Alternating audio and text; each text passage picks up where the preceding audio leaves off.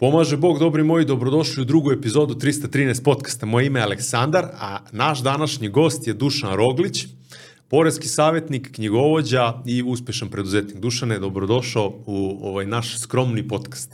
Hvala Aleksandre ovaj, na pozivu. Ovaj, eto, došli smo da snimimo današnji podcast, da podržimo jedan, jednu sjajnu ideju, jer će ovaj podcast da se bavi čitaju lifestyle, ne samo biznisom, koji je jako bitan za razvoj i, ovaj, i kao ličnosti i kao preduzetništva kroz a, našu mlađu populaciju, tako da ovaj, očekujemo da vidimo šta ćemo sada da pričamo i da pomognemo. E, hvala ti što si došao još jednom. E, kako ti se sviđa Kraljevo? Ili si, ovaj, došao si subota veče pa si uhvatio ono u, u punom ovaj, svom sjaju ovaj grad? Tako je, došao sam uh, oko 9 uveče, uh, subota veče je bilo, uh, smestio sam se u hotel, ako grad je preživ, znači sobe, samo sam mogao da gledam ono, muziku, omladinu i energiju. Uh, inače sam prvi put u Kraljevu, tako da nisam imao prilike da dođem pre toga, uvek mi je put nije pojavom Miloša Velikog, realno nismo imali neku situaciju da sad možemo da dođemo u... Nije te vodio ovu stranu. Jeste, tako da mogu ti reći, ovaj, kad sam googlao sinoć šta sve ovaj, može u Kraljevu da se vidi, ovaj, može poprilično da se obiđe ovaj, dosta manastira, dosta nekih a, značajnih i za prirodu a, objekata kao što je arhiv u Kragujevcu, jer je ovaj Kraljevo, izvini, pošto je Kraljevo centar tog raškog odluka za cijelu administraciju poslovnu neku bazu, koliko sam čitao, tako da a, zaista je Kraljevo na nekoj izuzetnoj poziciji koje, ajde, nemamo u nekom svakidašnjim medijima neku takvu sliku u, u tome. Dobro, mislim da se da se menjaju stvari na bolje, ovaj da sad kad se spoji autoput do Beograda biće dosta ovaj i povezani sa Beogradom i nekako je tu u centru sve od Kraljeva ono e, blizu si svim delovima Srbije ta putna infrastruktura će, će biti bolja, imamo sad i aerodrom, nadamo se da će se to proširiti, da će tu doći neka low cost kompanija, pa će moći da se putuje ovaj, e, još lakše ka, ka Evropi i ka istoku. Imamo sad konekcije, ono, ne znam, do Soluna, do Istambula, do Beča. Nisam siguran da li imaju cele godine ili ono samo sezona, leto, ali svakako stvari idu na bolje. Svakako i... značajno za razliku evo, života na Novom Beogradu, gde Ovaj, što je rekla jedna moja prijateljica, jednog dana će se pojaviti sortiranje ljudi gde će na Novom Beogradu živeti ljudi koji će morati da troše 3-4 hiljada evra mesečno za osnovni život. Tako da mislim da je Kraljevo zaista jedan centar sada, ovaj, pogotovo, evo, pričamo o biznisu danas, uh, za pokretanje online poslovanja, mislim da je Kraljevo ono savršeno za to. Eto, Pogotovo i za e-commerce, realno. I, I koristimo to. Da, i koristimo to, da, tako je. Brate, kako si završio prošlu godinu, kako se ide u biznisu, e, kako si privatno, to ću da te pitam prvo, pa ćemo onda da krenemo od, od ovaj početka i od tvog formalnog obrazovanja pa, pa nadalje. Pa nadalje. Ovako, prošle godine je bila a, dosta projekata smo uradili. A, znači, 3. januara prošle godine smo otišli na sastanak u Aleksandrovac gde smo prezentovali našu ideju šta hoćemo da uradimo s jednim programom za paušalce koji se realizuje, verovo ili ne, taj program uh, kako radi, na koji način kako radi i ono što je jako bitno, ne može pogreši. To ćemo posle da pričamo. To ćemo znači, posle. Nemoj sad da širiš priču o ovaj, tome, to, ćemo, doći ćemo do, do, do, do toga. Uh, dosta, uh, znači započeti još jedan projekat u, u, na kraju prošle godine, do duše on još uvijek traje, isto ćemo posle toga, ali suštinski uh, o, o, u prošle godine sam više vremena koristio za neki svoj lični razvoj iz razloga što ja svoj posao kao znam, ali organizaciju, management i ostale stvari sam baš tanak iz razloga što nisam mogao da učim i gde da učim i sada ispravljam te... Znači ideš na biznis priče, slušaš Branka Babića i... Tako idem, slušam Branka Babića ovaj, i, i, ovaj, i ostale stvari. Podržavam, brate. Ovaj, i, i, I kako se zove, mora, mora da se, da se, znači, svakim danom smo sve onako izloženije više informacije, da kažemo mudriji, i samim tim donosim odluke, evo, pre dve godine kad razmišljam kako sam postao, ja bih u fazonu, jo, kakav budala. Da, ali zaključili smo sa Đorom i to je moj zaključak naravno da kako posao raste, tako rastu i problemi, tako raste i tvoja angažovanost, znači ljudi imaju uh, pogrešnu sliku da kako firma raste, njihovo e, njihova angažovanost i problemi onako padaju i sve je laganije, u stvari je totalno suprotno. Da. Naravno, treba napraviti sistem da neko to može da pokrije, da ne pada sve na tebe, ono što smo pričali malo pre, da mora razmišljaš da li ima toalet papira Jest. u, u WC-u i da li su Da li se poručili voda, vodu da. i kafu i šta god O, treba. Da, to su sve problemi koje, uh, znači, to Pa su... kad si usran, brate, znači, na šolje je znači- problem, brate. Čekamo nekog iz Lidla da dođe. o, šta, je, šta je bila priča? Uh, e, Znači, mi ne pravimo greške zato što mi smo želi da napravimo grešku, realno. Uh, napravimo grešku zato što nismo znali u tom trenutku kako da se najbolje snosimo sa tom Ili odlukom. nismo predvideli I šta će se a, desiti. jedino je bitno kako mi reagujemo posle na te greške. Znači, da li smo mi tu grešku stavili, aha, sad znam, naučit ću, ono, posledice ću da pregrmim, prelomim, platim ako treba, mislim, ono, ja bi najviše volio kad bi svaki problem mogu da platim i kao to bi bio najlakši problem, ali kada e, ne, ne, neki problem izuskuje dosta vreme, stresa i nervoze, to je baš gadno a, za poslovanje, tako da bukvalno se suočam evo, ne znam, svake dve nedelje ne, nešto novo se desi u firmi, baš zbog toga što nemam iskustva. Da, meni, Ovaj, meni naj, najteže padaju problemi e, one prirode kad prosto e, narušavaju ugledu e, firme ili brenda za koji radiš. Mhm. -huh. To jest kad kod krajnjeg potrošača stvaraš lošu sliku. Jeste. Ili kod E, tvojih e, klijenata, korisnika. Mene to najviše izjeda jer ne volim da, da, da se to dešava i volim da uvek ovaj, isporučimo ono što, što smo obećali, bilo da je to proizvod ili usluga, Tako da mene to najviše jede. Ono što je što je s druge strane što što kažeš može da se plati finansijski što ti ne narušava tvoj tvoj integritet i e, tvoj ovaj poslovnu sliku e, ka javnosti, to jebi ga, platiš brate. Platiš, ono. pregrmiš, prećutiš, ajde.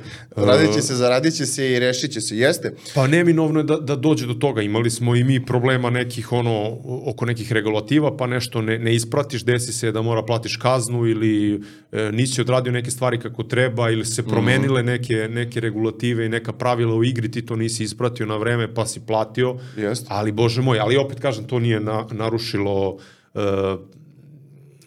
utisak sam kod, kod krajnjih potrošača i kod kupca. Tako je. A, šta je. Šta je isto, to treba jako bitno da ovaj, slušalcima skrenemo pažnju. A, desi se, znači, evo u trenutku kad sam ja sam radio, kad sam započinjao, kad sam se odvojio od firme moje majke, i kad sam započinjao sam posao, znaš ono, držiš sve sam pod kontrolom. Ne znam sada kako si ti krenuo sa Ironom, da li je i kod tebe bilo Da, taj da, da, slučaj da, sam, si sam, ti sam. apsolutno sve sam a, i kad naš radim sam, znam svoje mogućnosti, znam svoje a, predispozicije, koliko šta mogu i znam zašto sam dobar, zašto sam loš. Mislim, ja ne mogu da kažem za sebe da sam najbolji, ja kažem, ja sam u savetovanju mnogo dobar, u nekim stvarima u organizaciji sam, ajde kažemo, solidan, ali ne znam, u toj nekoj a, tom nekom, ajde da kažem, da budem general neki, sam onako prilično mekan, zato što previše... lider. Kao lider previše emotivno donosim odluke. Uh, onda kako posao rasti? Uh, rastu obaveze, uh, raste broj zaposlenih. Uh, ok, i prvi zaposlenik je došao, to je bio moj najbolji drugar, Aca, koji dan danas radi s nama, on je sad direktor u Paušalu. Što može da bude marš za oštrice uvek. Uh, sva sreća, ovaj, nismo se izvoli još uvek, ali ovaj, kako se zove, ovaj, može biti i mogu i, i, o tome da pričam. I opet sa Acom, znaš, sjediš ti opet sam i ti si, uh, opet si zadužen ti da preneseš neko znanje, nije taj neko drugi. Jer opet ja imam tu neku strukturu i viziju kako sam ja dosta radio posao i kako je on funkcionisu. Što ne znači da će on možda u nekom trenutku da prebaci da on uradi kako on smatra da je lakše, što potpuno podržavam. I onda je došao 3. 4. 5. 6. 7. A, onda su ti drugi ljudi počeli recimo da vrše obuku, dolazili su ljudi koji nemaju kulturu firme, gde opet, kažem, iz neznanja, ne znajući HR, kako se zove, kako oni to rade, vrše te intervjue. Znači, meni najbitnije je bilo da čovjek hoće da radi, da je pozitivan, znači ne da ga ja vadim iz, iz, iz, iz depresije, eh, iz nedelje u nedelju, da ga vraćam na nulu pa da mi padne na depresiju, toga nema posla, nema saradnje. I imao sam problem, na primjer, kad sam još radio sa majkom, mi smo, na primjer, zaposlili u tom trenutku jednu gospođu koja je imala, ne znam, 50 godina, a ja u tom trenutku 22. Da, sama komunikacija ja kao tvoja treba sa da kažem je... da toj gospođi da nešto uradi, ja sam imao emotivne blokade, kao što sam rekao, nisam dobar general u tim situacijama, ja nisam mogu da kažem toj gospođi uradite ovo. Znaš, nekako sam imao osjećaj uh, znaš, to je opet ta neka emotivna, emotivna stana da ja naređujem, mislim da, ne, da se ne, ne pogrešno, da ja nešto kao naredim nekoj osobi šta, koji su njeni izvršavanje zadataka. I ja sam Da, bukvalno uradio razumem, njemu deo posla Da, kao lakše ti da odradiš ti nego da, da, da Jeste, prebaciš njoj. bilo je svašta i ovaj, Ili ako odradi loše da kažeš, e, izvini, ali ovo nije kako treba, ne može ovako i sad ne znaš da verovatno kako će ta osoba to da prihvati, Jeste. ali to se uči sve. Ja sam Jeste, imao taj je- problem e, kad sam krenuo da radim u našoj porodičnoj firmi, imao sam problem ne toliko sa zaposlenima, koliko i u samim pregovorima sa, sa poslovnim partnerima, sa dobavljačima. Sa... Pa vidi, ja kad sam uh, još uvek radio kod majke i uh, ja sam tad imao platu, u tom trenutku mislim da bi minimalac bio 35.000 dinara i ja sam zarađivao 35.000 dinara, što je ovaj, u tom trenutku, mi, mislim, gledaj, uh, ja sam živeo kod mojih roditelja. Stani tu, stani tu, ne, nemoj da nastavljaš dalje priču. Dobro. E, Dušan ima 29 godina, e, iz Surčina, je li tako? Tamo Tako, sad sam u sa osnovnu Altine. školu. Sa, sad sam sa Sa Altine. Altine, dobro. Na- napreduješ, brate. Idem iz Varošice u Varoš. e, završio si drugu ekonomsku, tako? Jeste, srednju, Srednju ekonomsku. I posle toga, e, koji fakultet? ekonomski. Ekonomski fakultet. Dobro. Ajde krenemo od m, tvog, tvog ajde, formalnog razo- obrazovanja, od srednje škole.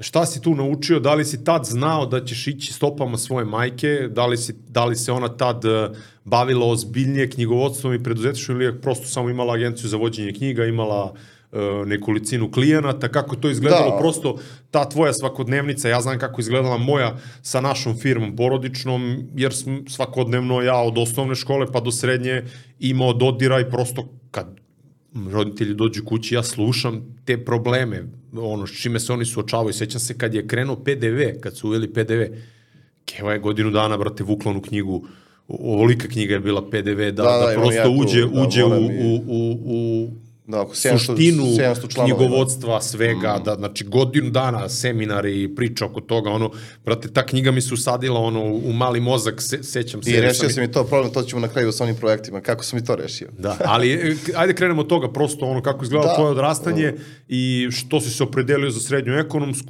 što posle za ekonomiju, da li si razmišljao da ćeš se baviti ovime čime se baviš ili si imao neke druge ideje, znam da si bio u Americi, e, zašto nisi ostao tamo, zašto si uopšte hteo da ideš tamo, pa eto, ajde da krenemo. to je stvarno zanimljivo sve da, da se ispriča. Pa nisi pričao nigde, ja sam slušao da. ono par tvojih gostovanja, ali uglavnom se sve svede na, na ono e, trenutne aktuelnosti, šta je novo, šta je šta se dešava u svetu preduzetništva, Pa u da, svetu sam lifestyle poreskih stvari. i sam tako da. zapostavljao lifestyle zato što sam smatrao da nisam dovoljno kompetentan da pričam na tu temu. I mislim, ja još uvek smatram da nisam dovoljno kompetentan, Nema kako ali... nisi kompetentan, to je tvoj život. a, Jeste, Ljudi ali- hoće da čuju tvoju, tvoju, tvoju Da. jer će se poistovetiti sa tim problemima. Mnogi imaju Da. porodične firme, pa su druga ili treća generacija koja će možda nastaviti taj posao Mhm. ili neće nastaviti. Znaš, taj transfer biznisa ovo, između generacija i prosto imamo kako to izgleda. Ajde, e, e, ne bi da zvuči ružno, ali tvoja majka je prosto nije imala veliku firmu i sad ne znam e,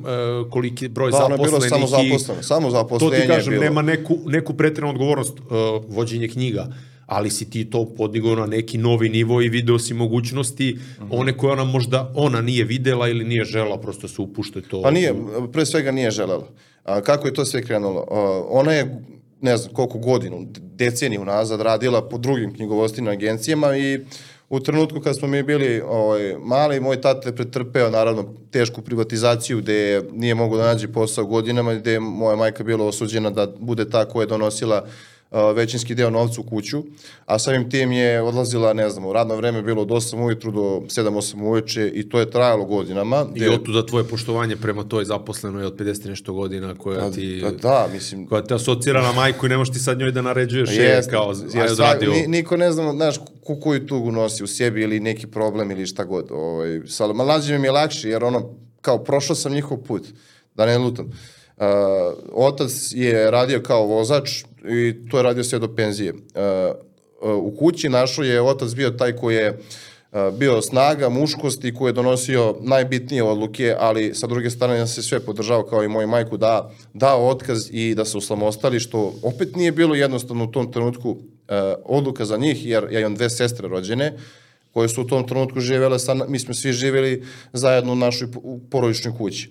A, sada otac, pošto sam spomenuo da je jeste bio vozač, sada tad su se plate o, nosile na markiranje, znaš, nisu bile e-porezi, uradiš prijevu i to je proknjiženo. Znači, tad se sve štampalo, nosi se u poresku, Da, da, da, da se ovaj- on je sve to u sklopu njegovog radnog vremena nešto izmuvavao, nosio, vozio, ka, samo da bi ona ne bi gubila vremena. To i on je davao punu podršku jer on nije nažalost bio kvalifikovan da u tim godinama, pošto je on mene dobio sa 38, on nije bio u tim godinama da može da menja profesiju i da on taj bude koji će da uči nove stvari. I to je problem današnje korpo priče, gde ti radiš u korporaciji, ne znam, od 25. do 40. a jer u korporaciji radiš samo kao jednu stvar i ništa više.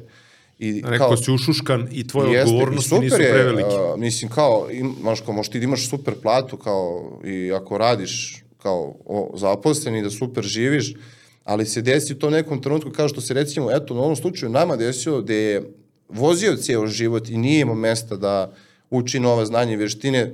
Ne sada da kažem kao svi morate da otvorite firme, znači da ne pričamo o tome, znači mogo je, recimo on je tu nek primer, evo lupa, nek je zarađivao 50.000, a ovde kao ne znam da je radio u štampariji na mašini mogo da ima 90, razumeš? On to nije mogao da uradi jer nije bilo mesta za prekvalifikaciju. Jer je Dobro, bio... da, u tim godinama I verovatno neće niko ti pruži šansu u jasno, tim godinama. I to je problem zato što ovaj, samo stvarno trebamo raditi na sebi. To je kao valjda poenta i da hranimo mozak i, ovaj, i sa tim nekim informacijama koje nama znači, ne samo gubimo vreme. A, moja majka otvara firmu, da li to je bilo 2008. 2009. godine, Ovaj, I ja mislim, znači, čitava ideja, to, to, te otvaranje firme je bilo da ona opet bude kao sam, ono, kao, znači, ljudi... Sam svoj gazda. Tako je, sam svoj gazda, ali onaš kao opet ti radiš ono Radiš od i 9 do više. 5, mislim, Pa čak da. i više ako bi potrebno, ali kao, Nosiš barem znaš da kući. radiš za sebe. A, I da, da snosiš tu odgovornost i da možeš, eto, kao, na primjer, meni treba da se ide na maturu, ona će da izađe s posla, pre to nije moglo. Znači, to je bila čitava zamisla kako ona to želela da sprovede u delo i da, naravno, meni a, zavrti priču. Znači, a, on, oni su stalno govorili, pošto mi je išla mata, prirodne nauke ne, za razliku od mojih sestra, sestara, gde su njihove društvene nauke bile a, jednakvi kritični nivo, a zato su prirodne ono, razvaljivale. I ovaj, pošto je majka krenula tim stopama, Uh, kažem, i ona možda desetak klinata, to je ti kao sada da zaradi 1000 evra, plati doprinose, dobiti i da je ostane, ne znam, 800 evra. Znači da ne, tad kao plata neka ispod, u stvari dve prosječne plate u tom trenutku. Uh, kažem, dva nek- minimalca u tom trenutku. Ajde, kažem, malo Pa jače. nije stvari, stvari, to je ajde, to je prosečno 400 evra, 2009. ajde. bilo možda, da. O, bilo je okej okay, to za 2009. ali opet je bilo, znaš, kao samo za, znači, da razgraničamo. Ljudi misle ako su otvorili firmu da je to biznis. Znači, biznis je tek onda kada mi imamo već uh, u firmi ljudi koje pokrivaju neke naše stvari koje mi ne možemo da pokrijemo. E, to je već Kad postoji je da je već biznis. poraslo toliko da mora primimo par zaposlenih da ovaj brinemo i o njihovim platama, i njihovim porodicama i o njihovim je već problemima. Biznis. I, Znaš, ali one priče kad kažu, naš biznis je ako ja odem na godinu dana i pa se vratim on šljaka. Jeste. Ali u mom poslu to, znaš, ajde ti idi godinu dana. ne I može to, Da vidi. se ne prijeviš ni na jednom kanalu, da se ne pokažeš nigde ni ništa, da neko drugi baca slike majici i, i ovaj noka, op, Ne izgubio može, bi ne na brendu, Ne, razumeš? ne, ne može, ne može, mislim, ali ko to, ko to može, ko je to uradio, ko to može A uraditi? tak, ne, tako što se baca ta priča, konstantno mladima, znaš, kao napravite biznis, kao nemojte raditi ništa u životu. to ćemo pričati posle o tome, o, o, tim, o tim nerealnim očekivanjima i nekom Jeste, lifestyle-u da. koji ni, i taj koji vam priča to, on radi svaki dan. I ako, ok, odi ti gde god hoćeš, ali ako možeš da radiš remotely ono, ili od... Da, mislim znači, ono kao van tri to. meseca kao ne izađe iz kući i onda tri meseca kao e, ja sam free, kao znaš pa mislim ono to nije proces. Vidi, ja prvi kad odem, odem na more 7 dana, pa da, da ne pipnem, da, da ništa oko posla, po, pojeo bi se. Pa ne bi mi bio odmor, to bi mi bio takav stres. Pa ja već nađemo gledam mailove, da li je nešto, da li si u redu, da li je već Ja, onako... ali meni nije teško, to znaš kao, ti si kao, što kao to radiš? Meni nije teško, to hoćemo, ja neću da me sačeka sto problema kad dođem. Lako je tebi, imaš firmu, Da, ti možeš. ljubimko je ovo ovo. Da, tata radi sve, uzimaš lovu, zajebavaš se. Da, da, kao ovaj, kupio si Nije ovaj, auto, da. šta Naručio njemu je down lako. pipe sade ovo i tako. Jeste, da, ovaj, znaš, e, baš zato smo i ovde, da, da ja ljudima pokažem, znači, kako je to uopšte i nastalo. Znači, na- o- opet je ta, to nastalo nekim teškim odlukama i nekoj muci mojih roditelja, kako da se to nešto, znači da, da napomenem, mi ceo život smo bili e, srednja radnička klasa, ovaj, e, znači ono kao, mislim, ajde kažemo, bili su, znaš, 9-4 sam, sestra mi je 8-9 i 8-5, oni su zaista odrasli u jednom jako pa kao periodu za odrastanje i generalno u Srbiji bez ono I u ekskurzija. Beogradu, i pogotovo i Surčinu. Pogotovo u Surčinu, da, zbog... e, Sad vam stiže Expo, brate. Sad, sad, sad će, sad, na, svi oni što ste me zezali, da je. Surčin selo, E, e, sad će moje deca vas da zezaju, da oni žive na Jel nisi Manhattanu. prodao imanje to njive i to? Imaš po Surčinu ili ne? Nemam. Tih je. Znaš, mogli smo moji su napravimo, moji- mogli smo napravimo neki posao sad. moje, moje došlo s Kosova, to je bilo, Bože pomozi šta su već. Eto, vidiš, Stefi ti je isto s Kosova, brate. Pozdrav za podujelo. Da. I da, opet smo skrenuli da se vrati, znači to je sve krenulo. A, Hoću e, e, da zaustavim tu. Majka je e, otvorila svoju knjigovodstvenu Mhm. agenciju, to jest radila je sad e, samo zaposlena je bila, imala je određeni broj klijenata. da, I nazvala je Agencija duša. Dušan, da, Znaš, kao, pošteno. Kako drugačije po sinu, Jest, brate, neće da. po čerkama valjda da Da, nazove. čerce, ona je u medicini, razumeš, ono, znaš, kao ne, neće raditi u životu. Jesi ti tu malo ušao već u tu tematiku ili ti to u tom trenutku pretpostavljam da te nije zanimalo? Si Ne, bio, nije završavao zanimalo, si... Ne, ne. Uh, ja sam tada završavao... bio ili ne, ja sam završavao osnovnu, pa- osnovnu. Da. završavao sam osnovnu i, mislim, bio sam jako uzbuđen što se to dešava, kao, moja mama ima firmu, Da. wow, uh, znaš, to je jako teško bilo, jer tada, kažem ti, to je ta faza kada su svi, ono, privatizuje te državne firme, što su radili u nekoj državnoj firmi, pogotovo u Surčinu, Surčinu ti takav sloj ljudi, znaš, to ti srednja, srednja klasa, radnička i poljoprivreda, znači nema ustupanja tamo. Kad Pa ti, to je, mislim, nekako ja, ja ovaj, gledam na to da su se tu ljudi doseljavali, kako su Jest, se otvarale jest, bilo je. velike firme i veliki... Ovaj, Pa ne, to je dosta izbjeglica sistemi. došlo iz Bosne, iz Hrvatske, Da, to svakako. ovaj, to je, znači, u našem razredu, znači, to je bilo toliko raznolikosti, tako da, znaš, ono, kad si klinac, ti ne obraćaš pažnju na to, svi smo isti, idemo u osnovnu školu, učimo iste predmete, zezamo se da li neko na fizičkom, ono, skočio 2.02 na skoku dalje ili 3 metra, mislim, to su Okej, ono... tako i treba da bude, ne treba ne tako- razmišljaš o tako biznisu je, u tom ništa trenutku. se nije razmišljao, tako da sam ja ušao u prvu srednju, ovaj 2009. 1. septembra sam znači krenuo uh, drugu ekonomsku školu. Zato što ti išle društvene nauke, pa nisi Jeste, se to je- zajebaš to s je matematikom, bilo- pa kao aj upisat ću ekonomiju. Jeste, znači ja sam, ono, oni su Prosto. imali plan, to je bio njihov plan, oni su mi rekli to, to, to, evo, mama će da otvori firmu, ti ćeš tu da nastaviš praksu, ovaj, ja sam bio u fazonu ok, ali to dolazi po Bertet. I e, šta je bio problem? Problem obrazovanja u osnovnoj školi je bio taj što, znaš, u svakoj školi, svakom fakultetu i svakoj srednjoj školi imaš neki predmeti koji moraš da učiš ili profa baš stegnut, a imaš nešto što prolaziš na foru. E, mnogo je bilo prolaženje na foru kroz na osnovno obrazovanje, pogotovo engleski jezik. Uh, engleski jezik smo bukvalno čitali, prevodili i pevali pesmice za ocenu, dok su moji vršnjaci koji su živjeli tad na vršnja, o, iz srednje škole na Vračaru, Voždovcu, znači oni su radili ono, kako i po planu i programu treba da se radi.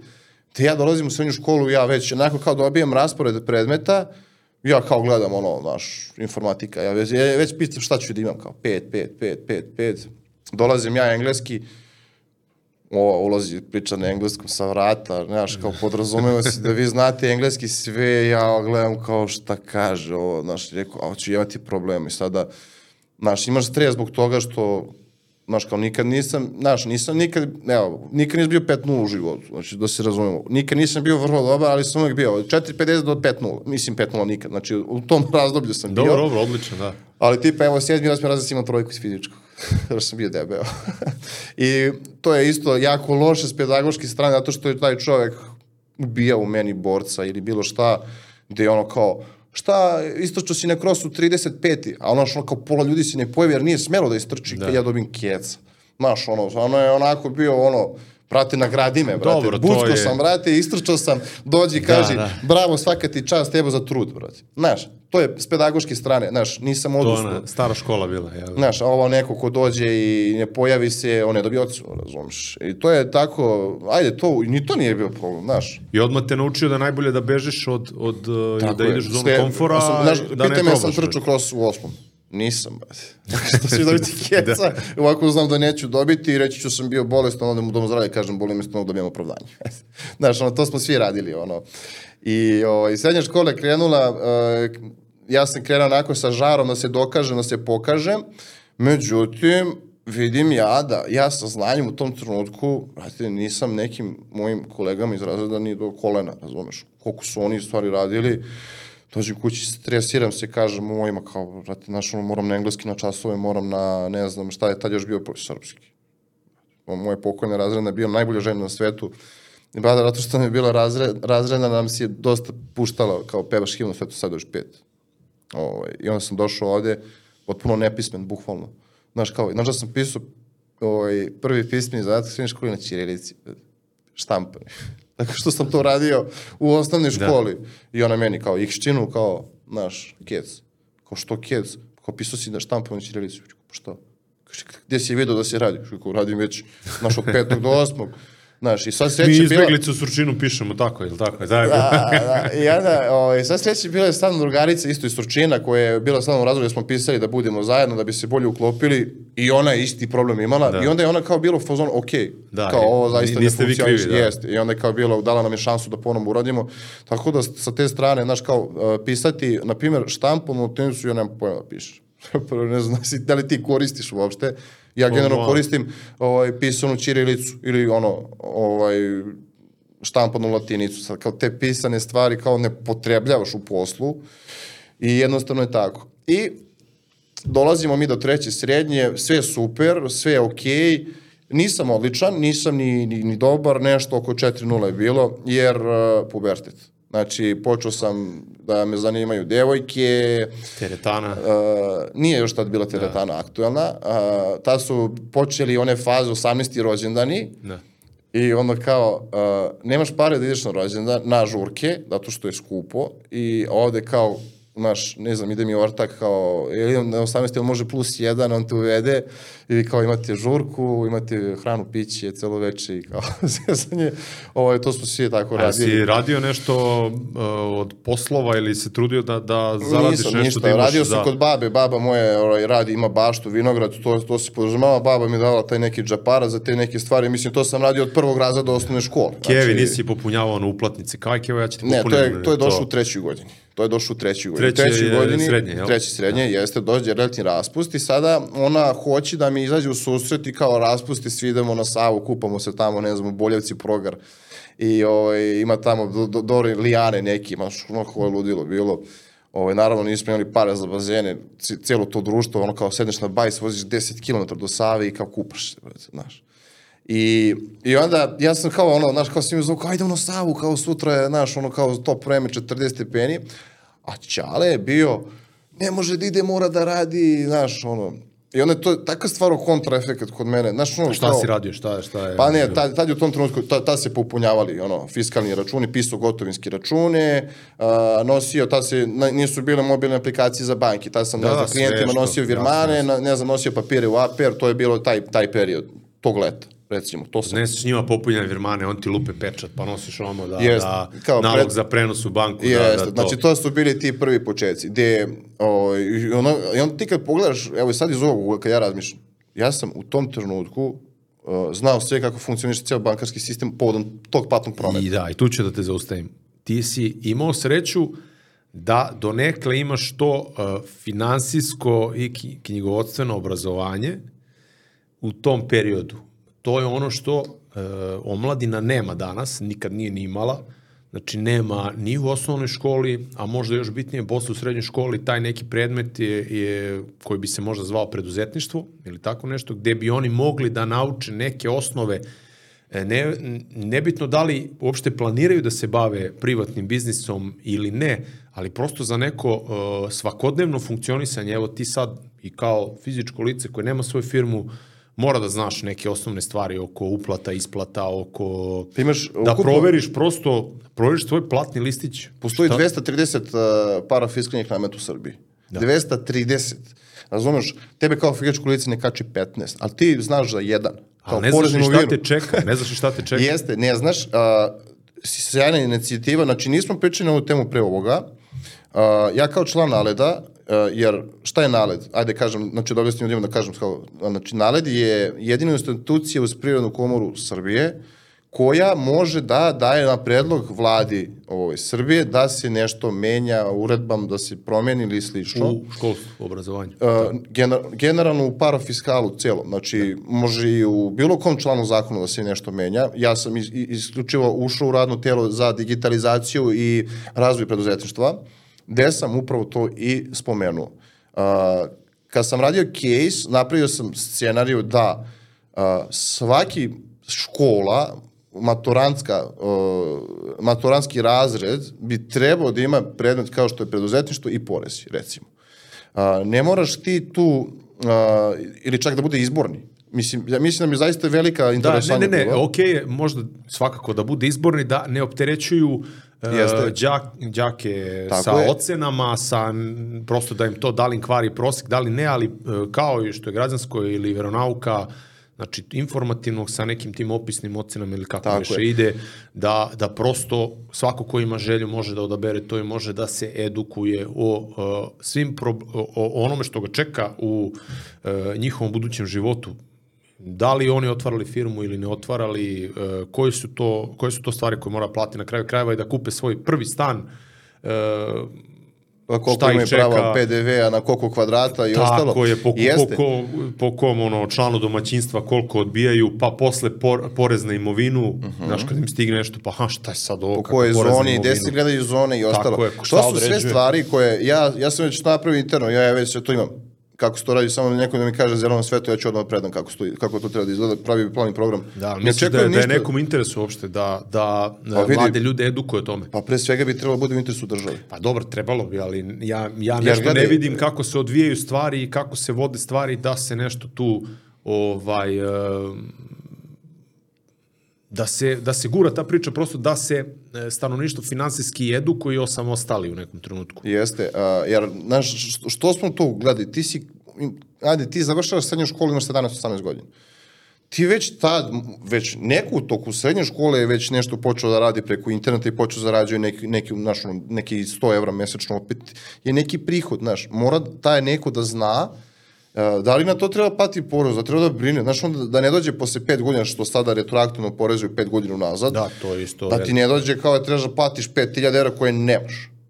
Nisi ni znao da treba platiti. Nisi ni znao, kao pomorci. Otvorio si YouTube uh, kanal, kanal krenuo da streamuješ igrice, krenuo da ležu neke pare, preko I... AdSense-a, pa su te pare porasle na možda 1000 evra mesečno, 2000. I ti jedan dan ti dođe poštar, da ti, ti podižeš pismo. uredno te pare, Lepo ti je... Znaš, ide, ide, ideš s onom logikom kao, to sam ja sam uradio bez igde kako poslodavca šta, šta šta. država od mene, kao što sam jest, ja dužan državi. Jeste.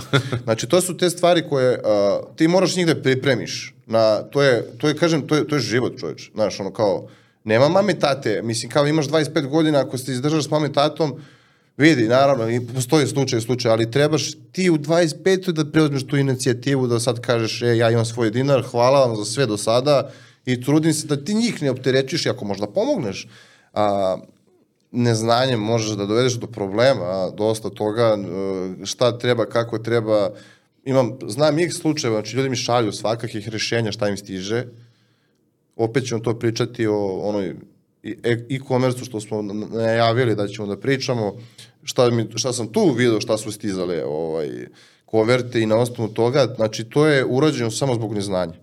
Vidi, ima, ima sjajnih ideja, ima sjajnih inicijativa sad kod mladih ljudi i sve više kako dolaze nove generacije koje su, ajde kažem, oblikovane malo tim internetom i onda gledaju šta se radi na zapadu, neki modele poslovanja koje tamo uh, su se iznedrili, ono, pokušavaju da uh, prenesu na, na naše tržište, Da. I imaju sjajne ideje, ali nemaju tu uh, finansijsku uh, i poresku pismenost i onda ne znaju od čega da krenu.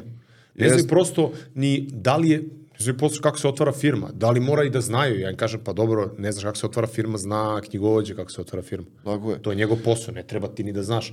Ali svakako ne trebaš da znaš ni knjižnje, ne trebaš da znaš ništa, ti trebaš da znaš da zaračunaš maržu, da izračunaš koliko će ti otići na PDV. Ako Treba da znaš da napraviš biznis plan. Tako je, tako koji će ti pokriti Ovo... i troškove knjigovođe, i troškove zakupa prostora i još druge neke troškove koje imaš i ovaj, Ovo ostalo, znači, propusti čoveku, znači, da ti imaš u glavi da to bude to, znaš, da ti nisi imao neku računicu da će ti da porez da daš 50.000 dinara, on ti kaže 700. znaš, mislim, vidi, nije svaki trošak u svrhu delatnosti, znaš, e, i mora i tu edukacija da postoji i za te stvari, tako da ovaj, to se brzo i prođe i nauči, znaš. Ali šta je problem takođe u cijeloj toj priči?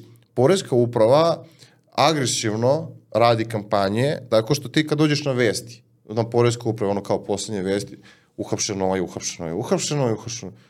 Dobro, ljudi, što idete tele na strahove, Pa tako je, ajde, bolje, Znaš. bolje ja da se ne petljam u to, da ne otvaram firmu, ok, Da, da- ti te info, ali daj nam info, evo imate radionicu kako da, ne znam, ovaj, napravite biznis plan. Mislim, vidi, pravite radionice Prirodne komore ja Srbije. prave radionice i uzimaju pare uh, za te radionice Jeste, znači, i ne odrade ništa, da, ono. uh, daju neki izveštaj koji ne služi ničemu, oni su uzeli brdo love od Evrope ili od koga god da to odrade, nisu naučili nikog ništa i svi su zadovoljni. Ne obraćaju se na prave, pravim kanalima Kanalima, uh, mlađoj publici. Znači, mlađa publika ne gleda vesti. To što ćeš ti da gostuješ na nekoj televiziji, u e, vestima ili u nekoj emisiji da pričaš o tome, je totalno ide u, ono, gleda moja baba, razumiješ, Da, koja da, radi da. TV, vrate, dok Evo sprema, primer, dok sprema ručak. primer- A e, ono što si ti dobro napravio, to što si krenuo e, kroz e, svoje digitalne kanale, da edukuješ ljude i da polako ljudi prate to, vide, aha, on zna o čemu priča, njega mogu da pitam, njemu mogu da platim konsultacije i da naučim nešto o, o pokretanju firme i da vidim da li je to za mene na kraju krajeva ili nije za mene. Tako da mislim da treba da radimo na tome i da super to što radiš ti na YouTube-u i na Instagramu i evo i ovim podcastom ovde ovaj, ćemo Jeste. pokušati da otvorimo Evo kao oči. primer za ovo što smo rekli, na primjer Visa, o, kompanija Visa, Latin kartice, je napravila sad inicijativu za žensko preduzetništvo i angažovala je, e, naš, e, futra za dizajn, da priča o dizajnu, angažovala je, ne znam, Kilije Bardo da priča o jednom nastupu. Koliko to košta? E, to je bilo besplatno.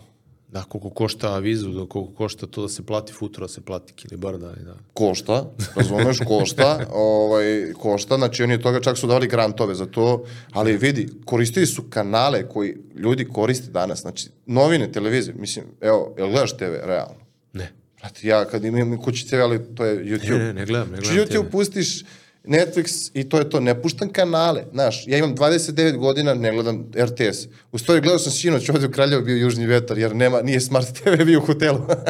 Jevi ga, četiri zvezdice, bre. Da, tako da sam gledao kako su pobili pola Bugarske. Ovaj, eto, to sam gledao. Razumeš, u, od 9 do 11, ne znam. Kapiraš?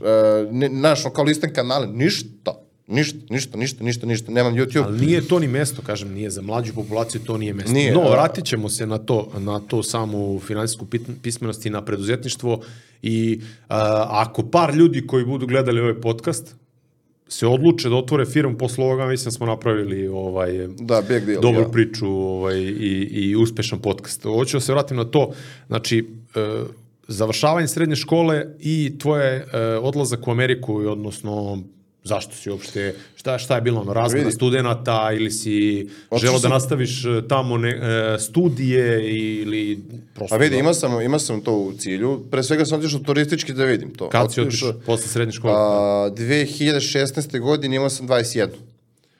Dobro, to je već fakultet si bio, tako? Tako je. E, to je bilo, tako je, pre završetak treće godine. Otišao sam uh, prvog šestog, vratio sam se 15. desetog. Ovaj, zatvorio godinu cijelu i kako se zove, ovaj, čekao dalje, otišao sam tamo. Otišao sam u mesto Delaware, koji će se na kraju ispostaviti da je kao ljudi otvaraju firme tamo jer je 0% poreza i bla bla. Slučajno si kao otišao. Kao slučajno sam otišao tamo, da, da napravim korekcije i to. Ovaj, tad, znači, u mojoj priči uopšte nije bilo da ću ja da nastavim Nemoj ovaj, sad da se pravdaš, brate, ovaj, da nastavim porodičan biznis ovaj, u tom trenutku. Odlazim u mesto koje se zove Rehoboth Beach, to je na samom Atlantskom okeanu, dolaze tu uglavnom ovaj, američki turisti da, da, na odmor, uh, onako sve idealno super i pošto sam imao B1 vizu, nije, nije, nije radna viza, Da. nije, se na crno. tako je, nemam social security number, nećeš niko te primi, u ali kuhinju. tamo, tamo na primjer, uh, vidiš kako to tamo ide, na primjer, tamo neće nijedan poslodavac da rizikuje da te prijavi Da, da, da radiš čovječe bez social security number. Znači, a kako su njima sankcije? Onda te zatvara na 10 dana, razumeš? Znači, vidi, bolje mi lupi kaznu 200 mi zatvoriš na 10 dana. razumeš? Šta sam misli tebe zatvori na 10 dana, možda se ubiš. Znači šama, šamaro sa tanjire. Znaš, ili, ili im zabrane, na primjer, znam da, da su mi pričali u liker, uh, liker storu, znači, na primjer, kod njih ne možeš kupiš alkohol u nijednoj prodavnici osim u liker storu. I u liker store kad uđeš pokažeš ID, odnosno pasoš ja u tom trenutku i on kaže, aha, imaš 21, možda kupiš alkohol. Ovo pre toga, imaš kaznu, dobiš Da, kaznu, jasno, ideš na jasno. ono, dobiš kaznu.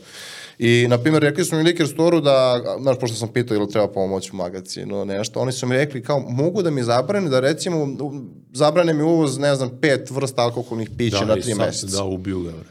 Razumeš, i to ti kazna. I oni neće da rizikuju to sve. I ko, naravno, nađem ja... Uh, Kod naših ljudi. Idem, nije bilo, na, dobro, a možemo kažemo da su Balkanac. naši, jeste, o, idem, ja gradom, ja čujem bratkata, tutkata, znaš, ono, bugari.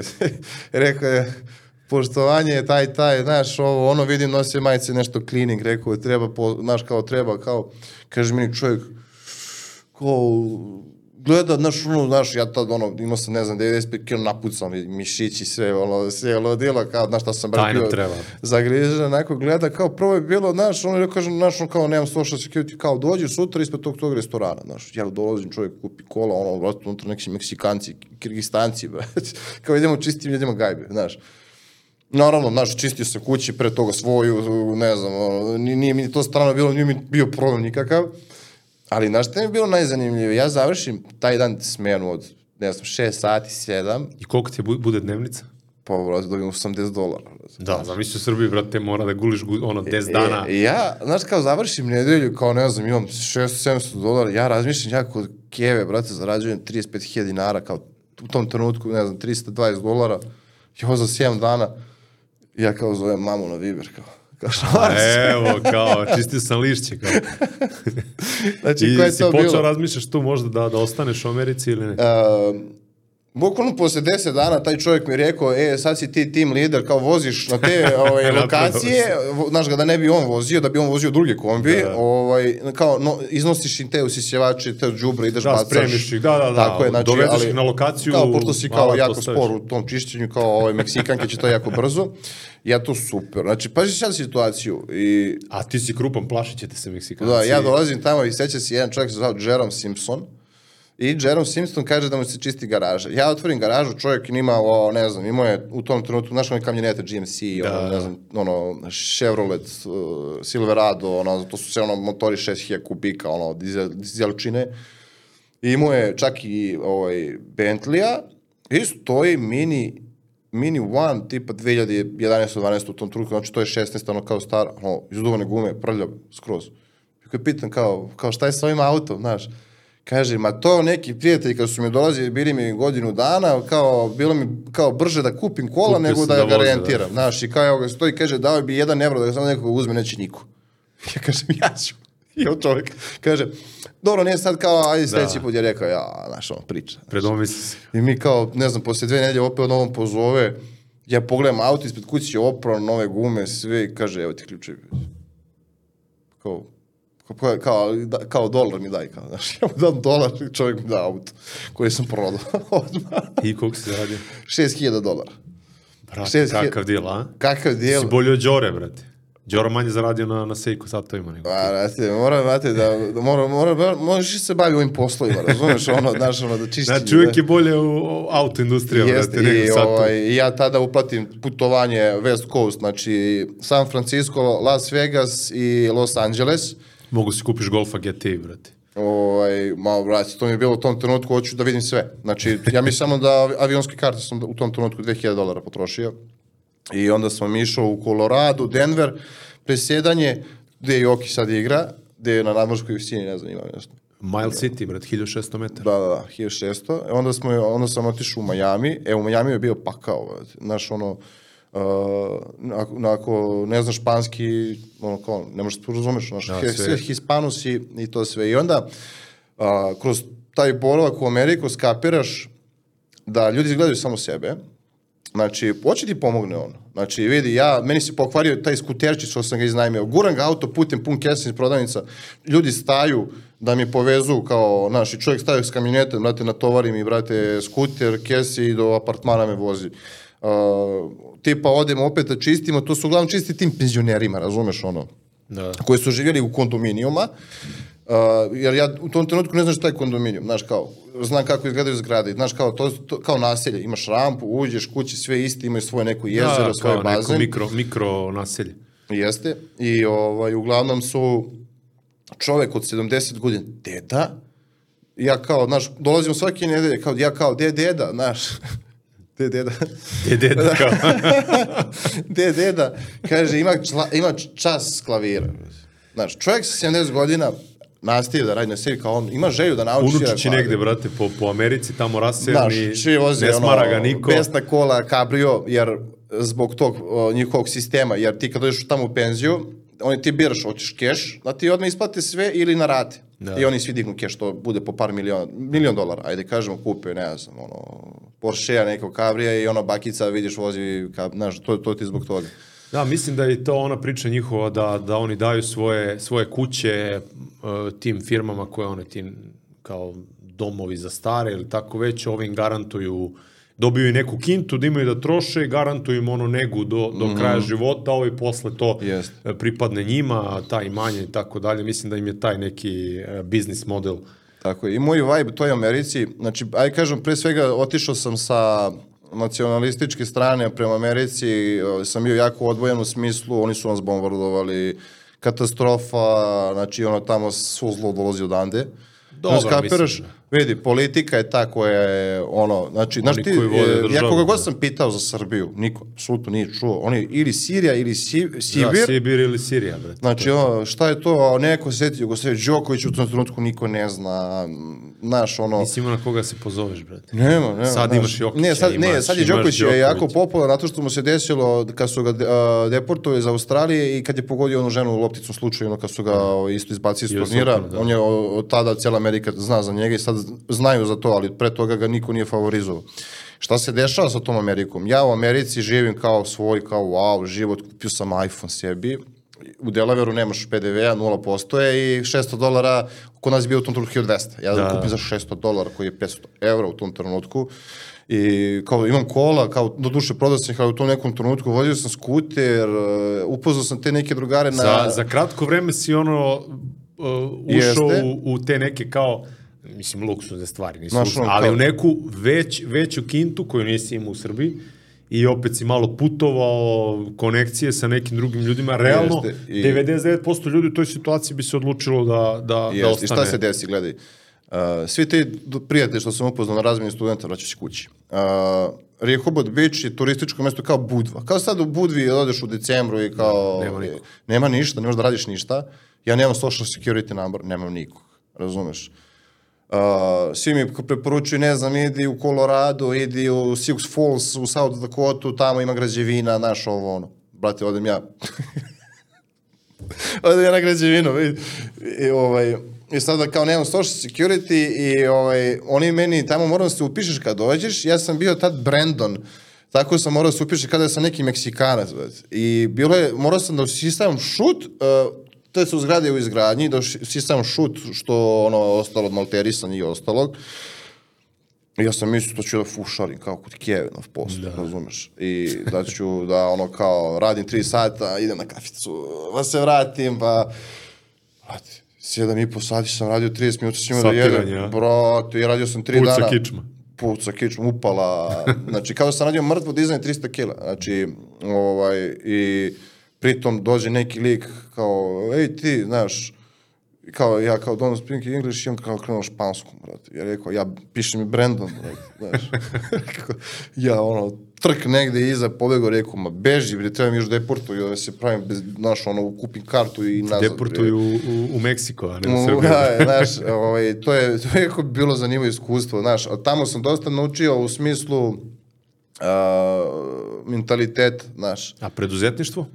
U Americi? Da, oko, oko, jel si nešto oko toga video kako oni naprave biznis, eto, prosto od čišćenja tih kuća pa do nekih drugih To je koji kod nas. modela. Znači, to je bilo, to, to što ti sam ja radio, to je organizacija na nuli. Znači, ono, kao zavisiš od radnih ljudi, ako ne dođe taj pukliti firm. Da. Uh, sistemi kao što su Five Guys restorani, gde su ti moji drugari radili, ti, ti sistemi poručivanja hrane su bili neverovatni, uh, dođeš kao na, kao na Mac Drive, da dođeš, to je bankomat, kao dođeš, digneš kar, pare. Znači, ono, koliko, uslova si imao, Dollar Shop, Walmart, uh, gde imaš, možda kupiš šta god hoćeš, Kmart, uh, Food Lion, je za, za suplemente store, kao sad, ne znam, ono, kao neki tempo u Beogradu, onaj veliki, samo suplementi. Mislim, stvarno, ono, odvojeno liquor store, liquor store uh, duvan shop, uh, znaš, to je bilo sve sa te preduzetničke strane i, i sve je posao, sve je posao, nema prijatelji smo doći ti ovo, daći ti ovo, daći ti ovo, daći ti ovo, omogućiti, ne. Tipa, ako platiš uslugu, ali to što si platio, vidi, znaš šta si platio. Uh, o, sa preduzetničke strane sam pokupio samo taj mindset da se samo konstantno radi na sebi. Jer ja sam, mene, mene taj pojam mentalitet kod nas, kao teško je, nema posla, cijel život ćemo da radimo iz šupljeg u prazno. Znaš, ono kao, slušaš to svaki dan i ti si već predao, nisi ni pokušao. Pa je ko meni za YouTube, kao pa šta kao ti krećeš YouTube, ima toliko YouTubera, sad ćeš Jest. ti da kreneš pa će to nešto, Znaš, evo Brate, ti... kreni pa ćemo da vidimo št- dokle će to da... da, da Uh, I bio sam u fazonu, vratit ću se i razvalit ću. Znači, to znači, primenit ću sad ovo, znači, ne zanima me. Ni kurta, ni murta, ni ovo, ni ono, znači, imam da učim, imam da napravim, ono, imam, imam viziju kako taj posao treba da izgleda. Znači, znam, radim kod mame u firmi, znam gde gubimo vreme. Znaš, kao prekucam izvode svaki dan, brate. Znaš, to nije posao, to je fizikalija. Da. Kad ti prekucaš, prvi to možda pogrešiš Rudarski. možeš da pogrešiš, znači ono, znaš, stalno provere, stalno ovo, stalno, to je zaista jako teško bilo u tom smislu. Uh, jedno ti isto, dosadno, monotono, nema, nema neke dinamike, sad, sad je ovo, sad je ono, znaš, kao jedno mi je bilo zanimljivo ti završni računi, kao gledam koliko, koliko dobiti imao i, ovaj, i, i ostao, to je jedino meni što je bilo zanimljivo u tom trenutku, periodu kad je to bilo, ali uh, ova rutina me zaista ubijala, znaš.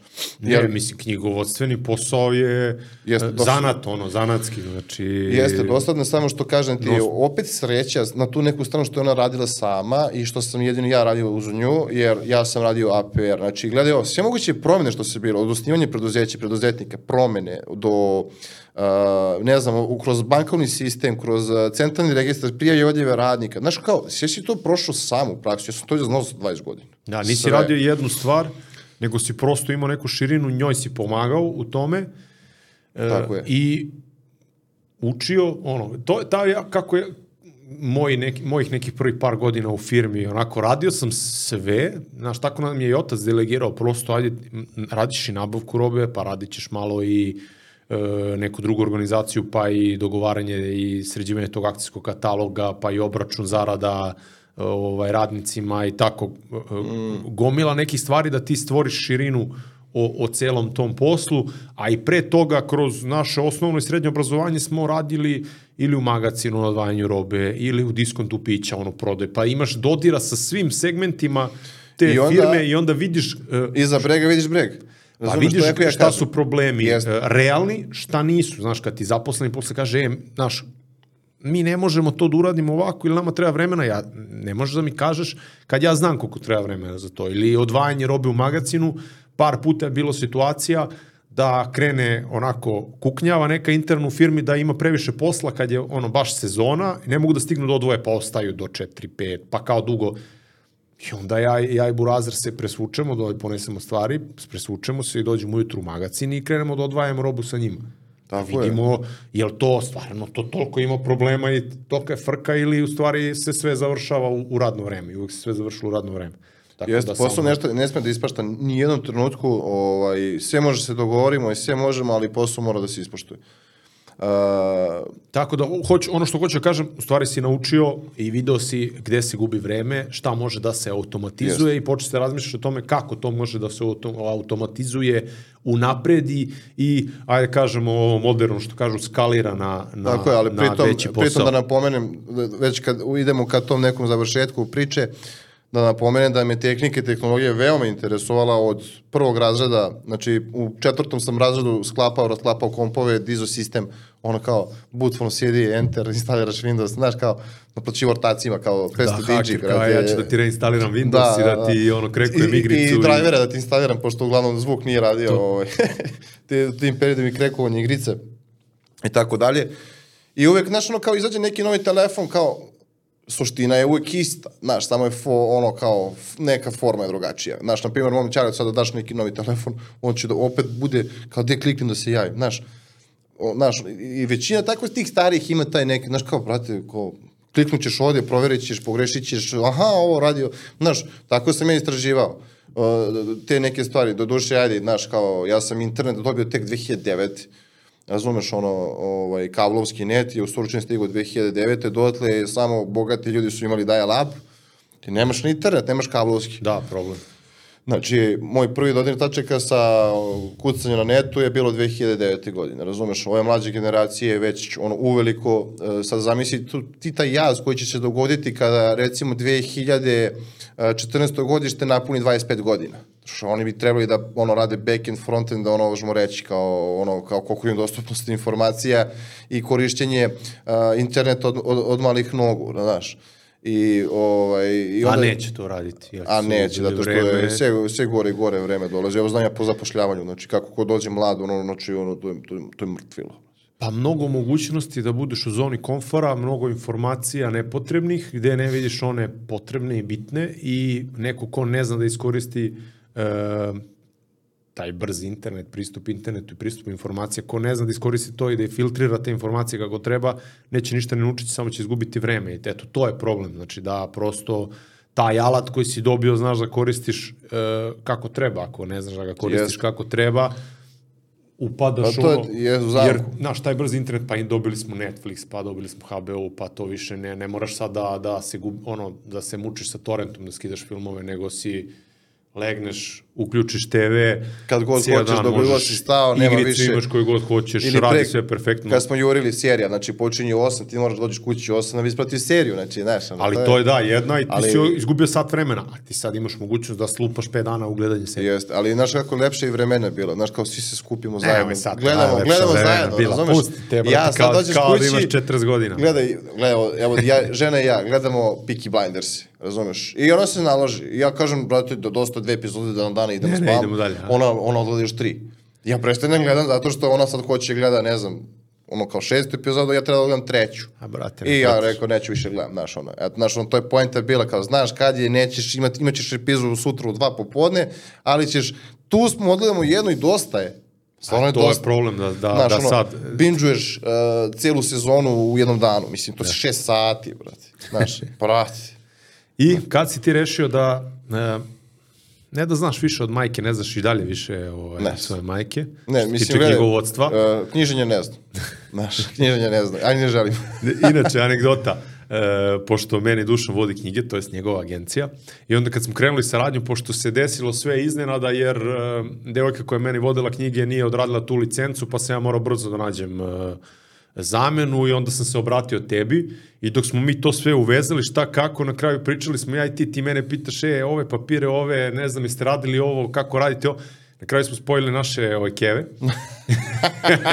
I one bile su, kad se čuli, ne, izgleda ništa ne može bez, bez majke. Ne, bez ona, majke, da. da. Ovaj, Bez stare jeste- škole, tako da su one sve to uvezale, su, povezale. Da. Da, ovaj, pa da, znaš, ono, jer, znaš, povatiš se sve to, oni, oni se ispričaju uvek site i ono sve. Pa to je ovaj, njihovim jezikom, bre, Da, stara da, škola. da, znaš, ono, old school, jeste.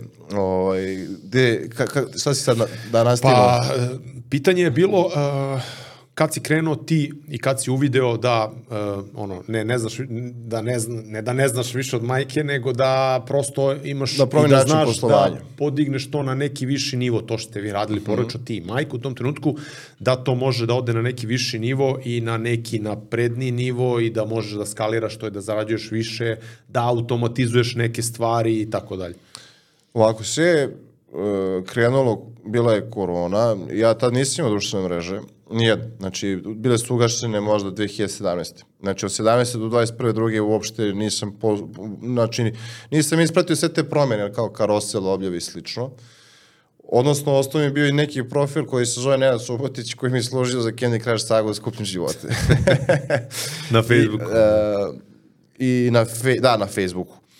I uh, stiže korona, pratim onu stranicu Geokutak koja je to ono kao izbacuje, ne znam, zanimljivosti o nekim lokacijama, ne znam, nekim gradovima i tako dalje, pošto ja obožavam geografiju i istoriju i to je, to je možda ne, nešto čime bi se bavio da se ne bavim ovim poslom, pošto me baš to zanima.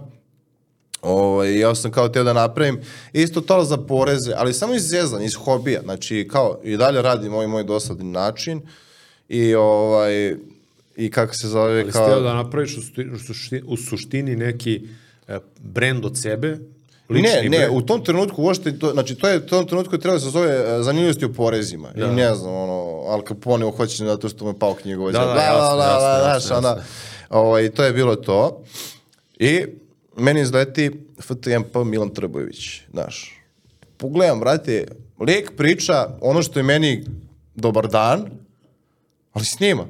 I, da. brate, kao čovek je, zaj, mislim, pozdravim Milana puno, on je prijatelj, čujemo se svakodnevno, mislim svakodnevno, čujemo se, on ima ovaj, sad i bebicu i onda je sad to sve ovaj, otišlo. Drugačiji ritam. Jeste, na drugačiji neki ovaj, ritam.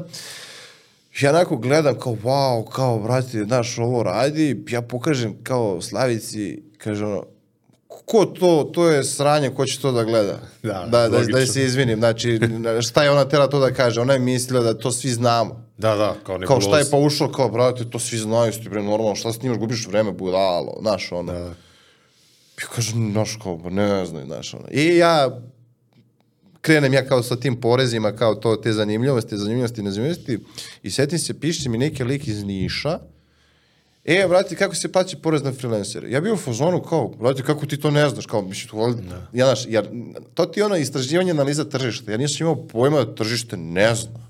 Da, da. Kapiraš?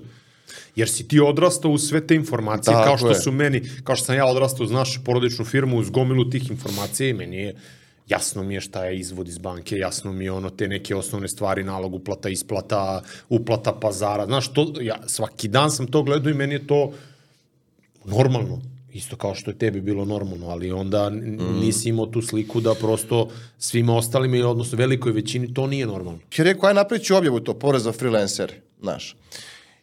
Šta je bio problem? Tad je krenula priča. Ono, Znaš, ja nisam teo da zapratim ni niko od moje porodice i prijatelje, mislim, to bez veze ti stoji kao pratioci, ono, niko ti ne podržava, niti su kupci, niti šta, i rekao, neću njih da šaljem. Ja rekao, ko je sad meni ciljna grupa, brate, znaš, ono, kao, znaš, gde da nađem, ja sad, ne znam, kao, barem hiljadu ljudi. Čo kud sam im poreska uprava ima profil, znaš, i to je bilo ono, kao follow on follow, ja zapratim svih hiljada ljudi koji prate poresku, vratim mi 500, znaš. Da. I Realno su to ljudi koje zanima šta se je. dešava novo u, u poreskom svetu i Tako šta je. su nove I ja dođem, objavim nakon toga, ustajem ujutru, š, ono, rešeralo taj, tu objavu, ne znam, 20 ljudi, 100 još novih ljudi na profilu, lajkovi, komentari, bravo, super, ovo, ono. Ja kažem Slavici, rekao, a, a znaju ljudi, a, jer znaju sad šta je ovo, znaš, mislim, znaš kako je super. Bože budala ima uvijek, ona se krsti, ona kaže, znaš, ovo, to je sve.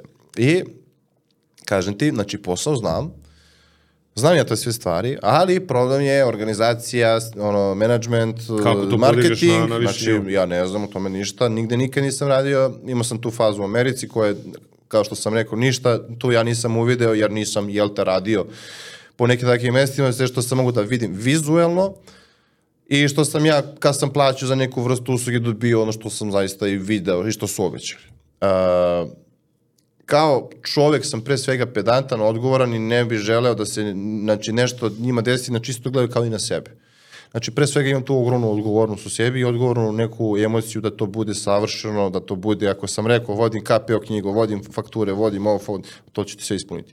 Onda su poslije došli problemi gde su ljudi tražili van, ono, i pravne usluge, i advokatske, i, i bankarske, i ovo, ono, ja se svima tu izlazi u susret za džabe, kao pregovoriš, kao, Pričaš o svojim klijentima, tako, ljudima kojima si u tom trenutku sam ja vodio knjige. tako je, to je sad tako počeli su se javljaju ljudi, znači čak ni sajt nisam imao, znači pričamo o periodu 2020 Prvo. prve, znači pričamo o tom periodu, znači to nije bilo pre 10 godina. Uh, moje svoje znanje što sada primenjujem i što sam savladao se desilo samo u, razmaku od 3 godine.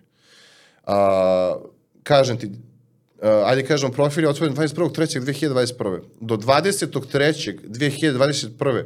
nisam imao pojma ništa, ni o marketingu, ni o trgovini. Znači, sve mi nekako bilo logično, ne znam. Kako za Profil spot se otvori, izvini, 20, dva- 2020. je li tako? 21. 21., Znači, znači ona, je, ona, je, ona je ugašena bila, ona prva faza, da. ona je bila ugašena u tog profila, ja to niko nije pratio, pa sam otvorio kao poreski savjetnik. Da, Znaš, da. ono, ovaj, to sam zaboravio da kažem. Ovaj, to je, to je ovaj, bilo u, u tom smislu i počelo da se šiba karosel objave. Taj, to je bilo jako popularno i sad je I- za moje... Da, i gurao je, in- i Instagram je gurao te objave. tamo Jeste, dosta. i sad je, znaš, ono, kao, na primjer, ja kada snijem video, ti ćeš opet, šta je video traje minut i ja sam nešto rekao, poentirao u 48 sekundi, ti moraš opet da ga gledaš i ljudi to... Nisi ni odgledao do, do, do tog... uh, Ne, i meni su i karosili dalje i prejaki.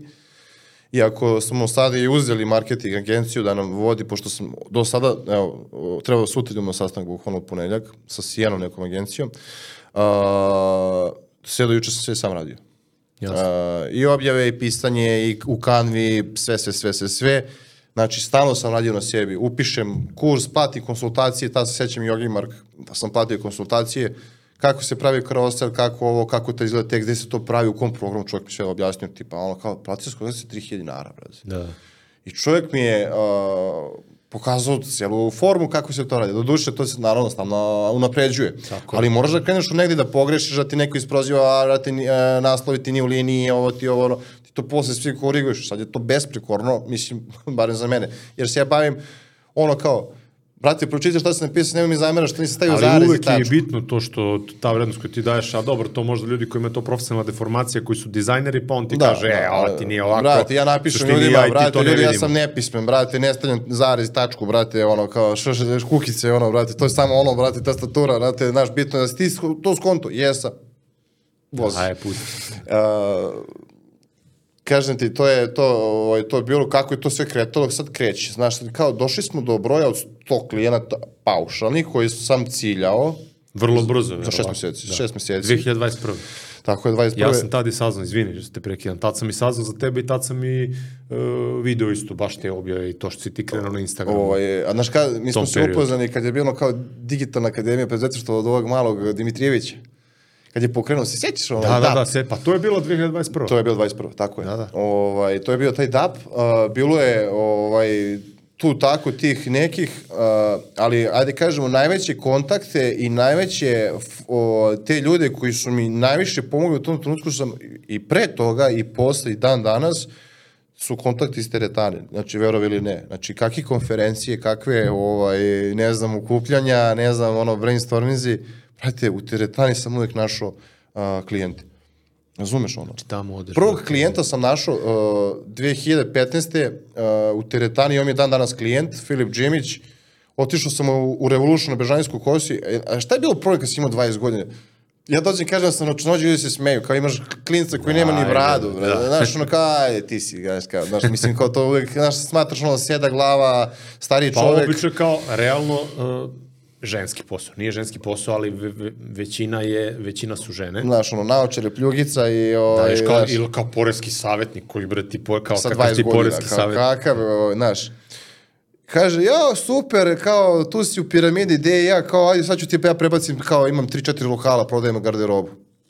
I ono, kao, znaš, ja, kao, kući, znaš, što sam klijent, znaš, kao, ovaj, kao, ma da, jes, ti si, znaš, znaš, rekao, majke mi čovjek došao, i ne znam, u tom trenutku, ne znam da li je plaćao, ne znam, pošto ima tu više lokala, 20.000 dinara, i meni kao, evo, ti njega sam vodi sve, Evo ti ne pare, zanima me da. ništa, nemoj da me pitaš To ništa, bori se, tako. da, evo ti svih 20.000 dinara. Super.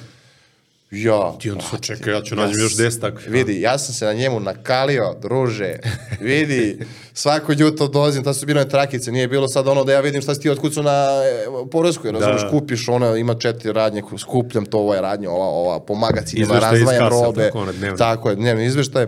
Kupim, kupim, kako se zove, po tim lokalima idem ja, koji, ovaj trošak od ovog lokala, razdvajam po magacima, radim robno, kažem, e, brate, fali ti ovde, ne znam, tri košulje, prebaci iz ovog magacina, interni prenos, interna otpravnica, kalkulacija, to sve. I u tim periodu kad si klinac i kad te neće niko, a postoji jedna delatnost koju neće niko da uzima, to su ugostitelji, razumeš ono. I onda sam počeo vodim sve te ugostitelje po piramidi, jer sam ono kao dolazio, oh, vidi, ono je, treba, ono, u zatvor treba strpati pola njih, znate kako ono rade, znači šta je ono, znaš Da kao, budak, a? Brate, ono, s- sve treba bude u minusu 300 proizvoda, ono, ono, katastrofa, znaš, a ti trebaš da peglaš to i da si, znaš, ono, i stalno kao, boži, biće, biće, biće, od toga nema Zato ništa. niko neće da radi. Ma neće, niko da radi ugostitelju, to je, znači, ono... Ne, problem je kad, i kad imaš firmu, a ponaša se neodgovorno prema papirologiji, knjigovodstvu, je problem za sve. Da.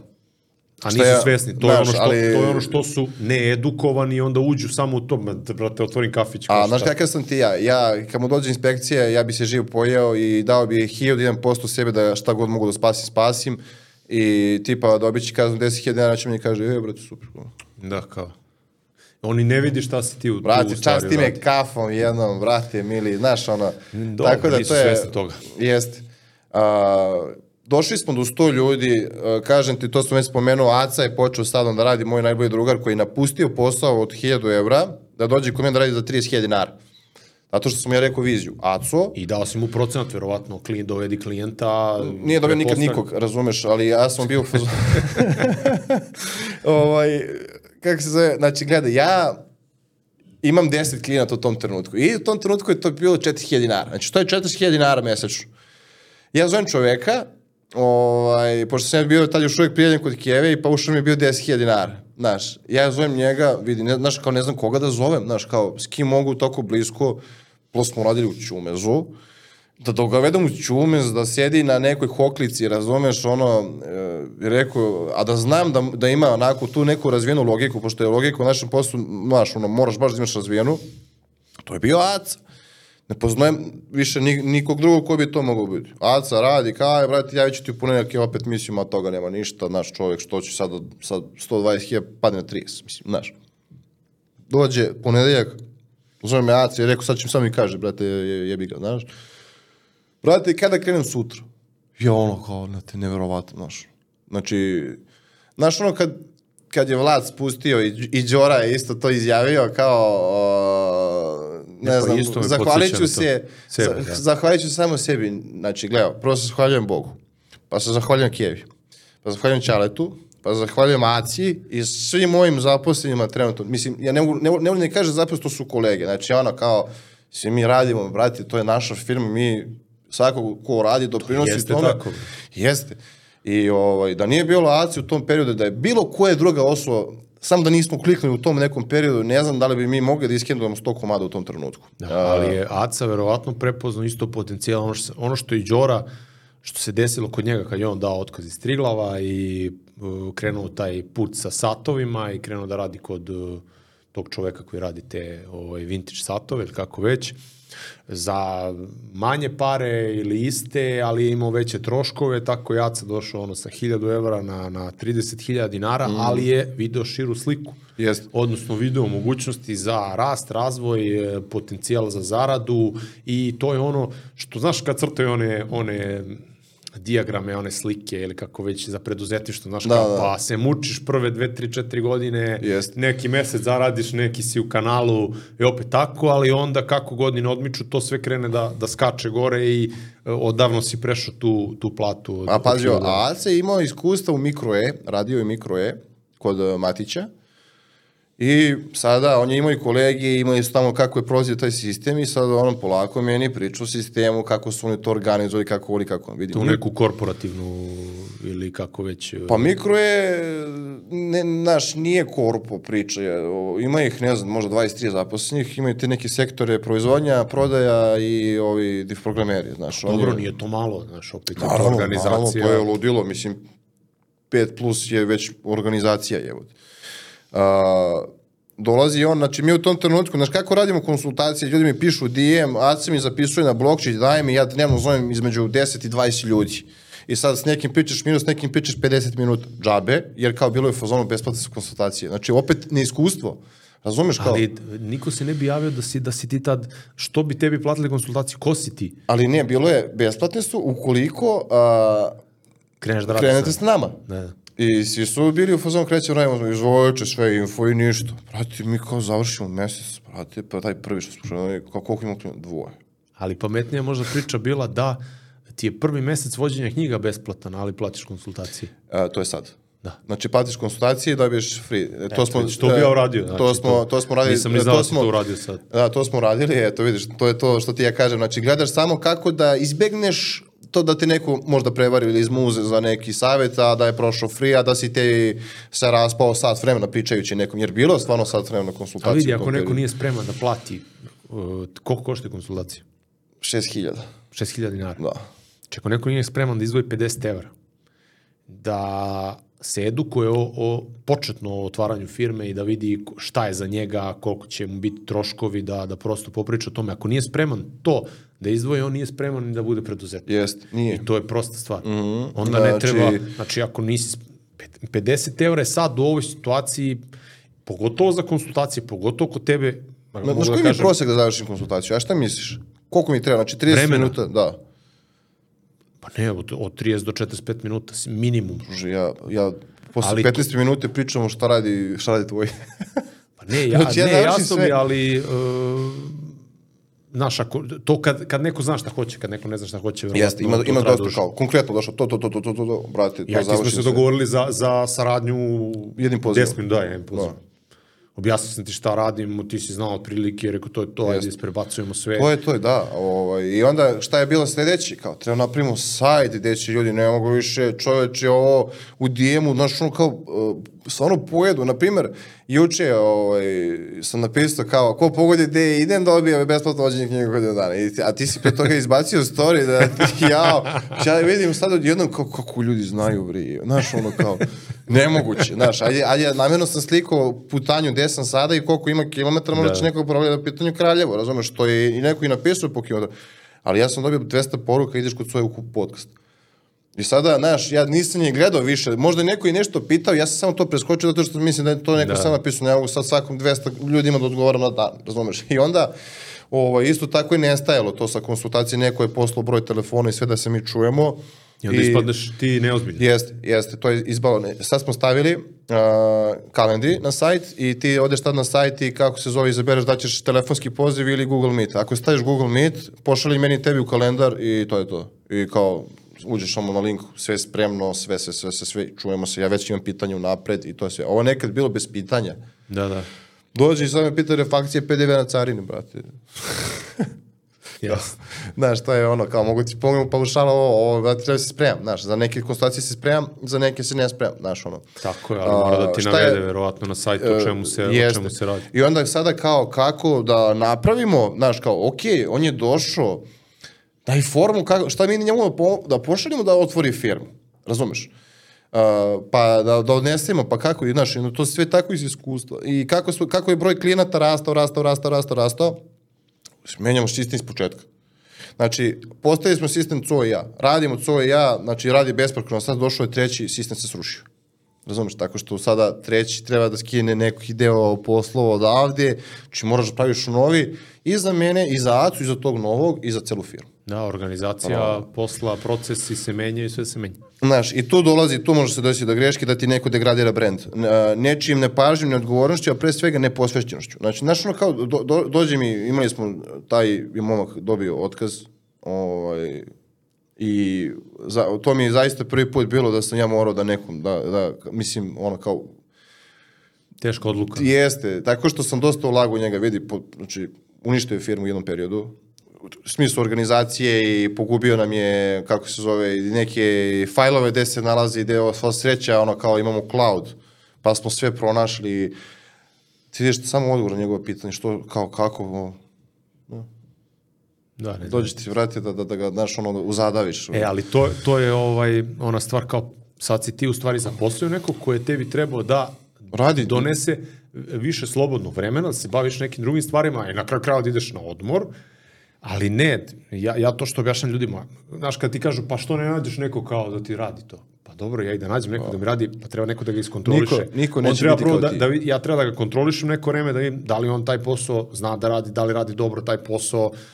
šta se dešava, znaš, moraš da ispratiš sve te segmente. Nije samo zaposli nekog ko to zna i ti si lagan. I možeš da budeš spreman da niko neće raditi posao kao što ćeš ti planirati da uradiš i kao što si ti zamislio. Znači to moraš da se odrekneš odmah 20% tvojih kvaliteta uh, za dalje. Jasno. A, šta ta, a, znači, znaš kao, u, u te osobe, znači, pružam šanse dve godine. A, tako što znam, znam u porodicu i sve, znam situaciju sve, želeo sam pomogu, znači, kad, znaš, sad, sad sam u fazonu kao, znaš, ono, popričamo, ako si odgovorio to što si odgovorio žuti karton, još jednom ako se ponovi, zaista, znaš, ono, kao biznis, brate, propašće, nas mnogo živi od ovoga, zato što si ti neodgovoran i ne osjećaš neku krivicu u osnovu toga. Sam da mi je rekao, Duki, izvini, molim te, bio sam ovakav, onakav, neće se više ponoviti, daću se od sebe, vidi, nema ništa od toga. A on meni kaže kao, ne znam, tipa zakasni, jedan dan kao, brate, kasni svaki dan, kao, vidim, svi ti dolazi na vreme, kao. Znaš, i kad dođe do tog Znači odnosa, se gleda nema. ono šta, šta rade šta drugi, a, jeste. a ne šta ti radiš, to je Pritom su problem. nam plate zaista, ovaj, najmanja plata u firmi je, mislim, 90.000. Zaista se trudimo da, znaš, to je ono što pričam, znaš, kao ne treba uh, te ljude koje rade kod drugog, kao što imamo ja i ti slučaj, da da im nabijemo na nos kao vi radite od 9 do 5, vi ste naši zaposleni, pa Turci ili kako god neki drugi tako ljudi pričali. Ja smatram da uh, mesta za napretka ima za svakog samo ko želi da napreduje. Vidi, ima i mesta i za dogovor, e, da Ali samo ako on želi, razumeš? Znači, ja ne mogu da ulažem u nekoga ako taj, brate, ne, ne želi da se, da uradi evo, Čim razumeš? ta osoba gleda šta rade drugi i razmišlja o tome, to, to nije To je dobar znak. To je, To je ono, kraj priče. To je ono što bi rekli crvena, Jeste, crvena crvena red flag. Red flag, da. Da. A, znaš, ono kao, dosta sam šansi davao, uložio i to mi jako koštalo čak i dva službena auta, slupana. Znači, znaš koliko sam ga puta kaznio? Šta misliš? Od plati, recimo. Pa nijedno. Nikad. Razumeš, i čovjek ovaj, kao, znaš, ja mislim da ovo nije za mene.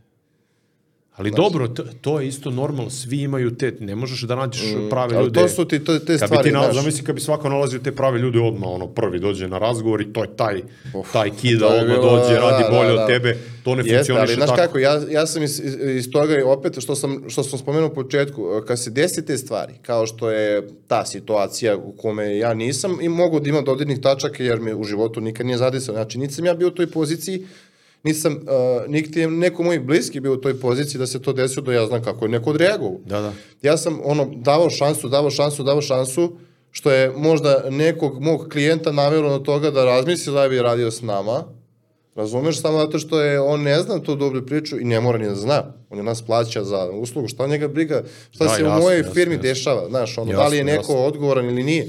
Da li sam ja Vila Dobrila ili nisam, znaš. A, to njih ne treba da zanima i meni, znači, ovaj, duše, to, to, to, to priznajem, znaš, kad se desi neki haos, Znači, na primjer, jedan, jedna osoba ne otkuca fiskalni račun, ja uzmem svima gledam da su svi otkucali fiskalni račun. To traje 24 sata bez prestanka. koji sam freak, da.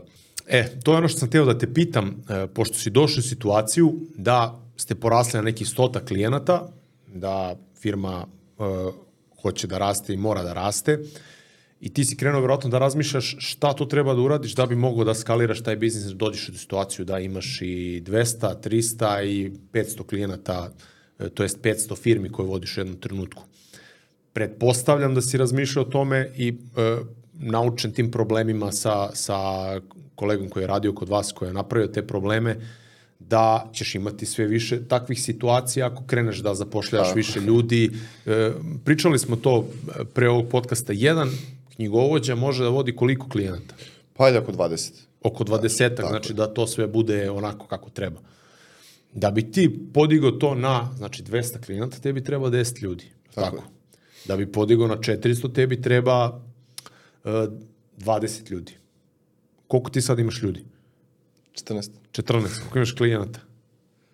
500 plus.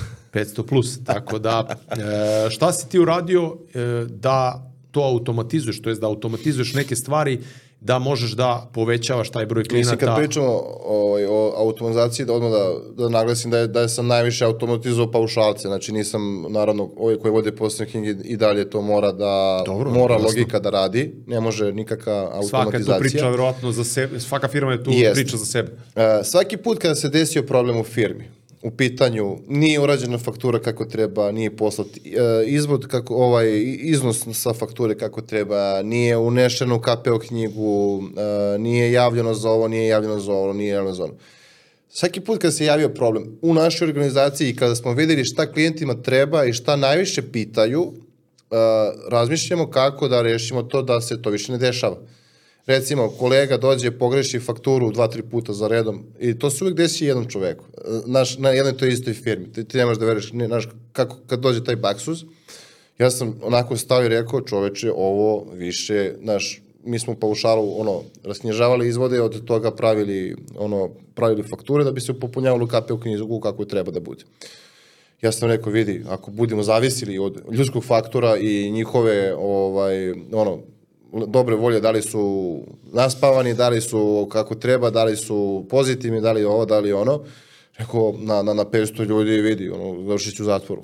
Znaš, kao šteći ćemo Nećeš nekoga. moći da propratiš sve. Tako je. I nećeš moći da ideš na odmor. Uh, nećeš moći da imaš odmor, radit ćeš 6 sati dnevno, rasturat ćeš se i stalno ćeš se vrtiti u krug i isto i iznova i na- nakon desit će se problem. Uh, u tom trenutku ja odlučujem da napravim aplikaciju gde sam, naravno, kao što sam rekao, pore, ono, tehnološki sam pismen i ja vidim da postoji PDF XML fajlovi od izvoda od banke. Uh, PDF fajlovi jesu čitljivi, ali jako teški način i uh, bilo kakva promjena tačka zareza ili slova na samom strukturi PDF fajla a, će doći da se to ne učita, dok XML može da pretrpi neke određene promjene tog tipa i dalje će struktura ostati ista i ona će biti programski jako čitljiva. Ja sam, na primjer, određena banka šalje a, svim, znači svim mojim klijentima, znači tog onog sistema kako smo ih ubacivali, a, oni kad odu u banku, oni stavi naš email da nama dolazi izvodi, kako oni ne bi to slali i banka svako jutro, svako jutro recimo pošali za a, 200-300 a, izvoda dnevno a, i nekad se to dnevno radilo dva čoveka po 7 sati. A, Samo da provere svaki mail, svaki izvod. Ne, svaki da se uradi. Znači, otvoriš, To, to, vidiš, da. neko je podigao novac, staviš ono konto, staviš Da, ko je to i ideš dalje, razumeš. I štampaš, i u registrator, i to se da ne pričamo o tim troškovima koji su bili, toneri i ostalo. Da smo došli sada da se recimo 300 izvoda uradi za, a, ja mislim da je 300 izvoda uradio za 25 sekundi. Znači, napravio Program. Sam, a? Program Tako je, znači on pročita sve te izvode i sve naravno što je bilo sa leve strane, ono, plaćao si doprinosi, poreze i to sve, uh, evidentira negde. Tako što taj program šalje virmane za plaćanje. Uh, taj program, uh, znači šta se dešavalo? Dođe naš kolega, preskoči nekog da pošalje virman ili se mail zagubi, ode u spam pa po, ono šalješ i sada mi imamo i evidenciju koliko smo adresa poslali, da li je isporučeno i da li je taj neko otvorio. Znači, to, znači taj problem sam rešio na taj način jer smo imali taj problem u firmi. Drugi problem je bio, ljudi dobiju prvog i zaborave, desi se. Kao misle da su platili ili nisu. E sad, ta aplikacija čita, uh, da li si ti platio doprinos ili nisi. I ako si platio, i ako si obaveštao i njih mailom i mene, i kaže, pogrešio si, nisi lepo poziv na broj uradio. I onda mi odmah možemo da idemo u preknjiženje kako ne bi rasla kamata. Do sad, ka- kako je to radilo? Svakog 16. u mesecu ili prvu subotu nakon 15. mi smo morali sve klijente da gledamo upit stanja. I za to ti ode pa sigurno dvoje po 7 sati. Znači da svakog dođe upit stanja da vidi pa ako neko nije platio otkuca, javi i ostalo.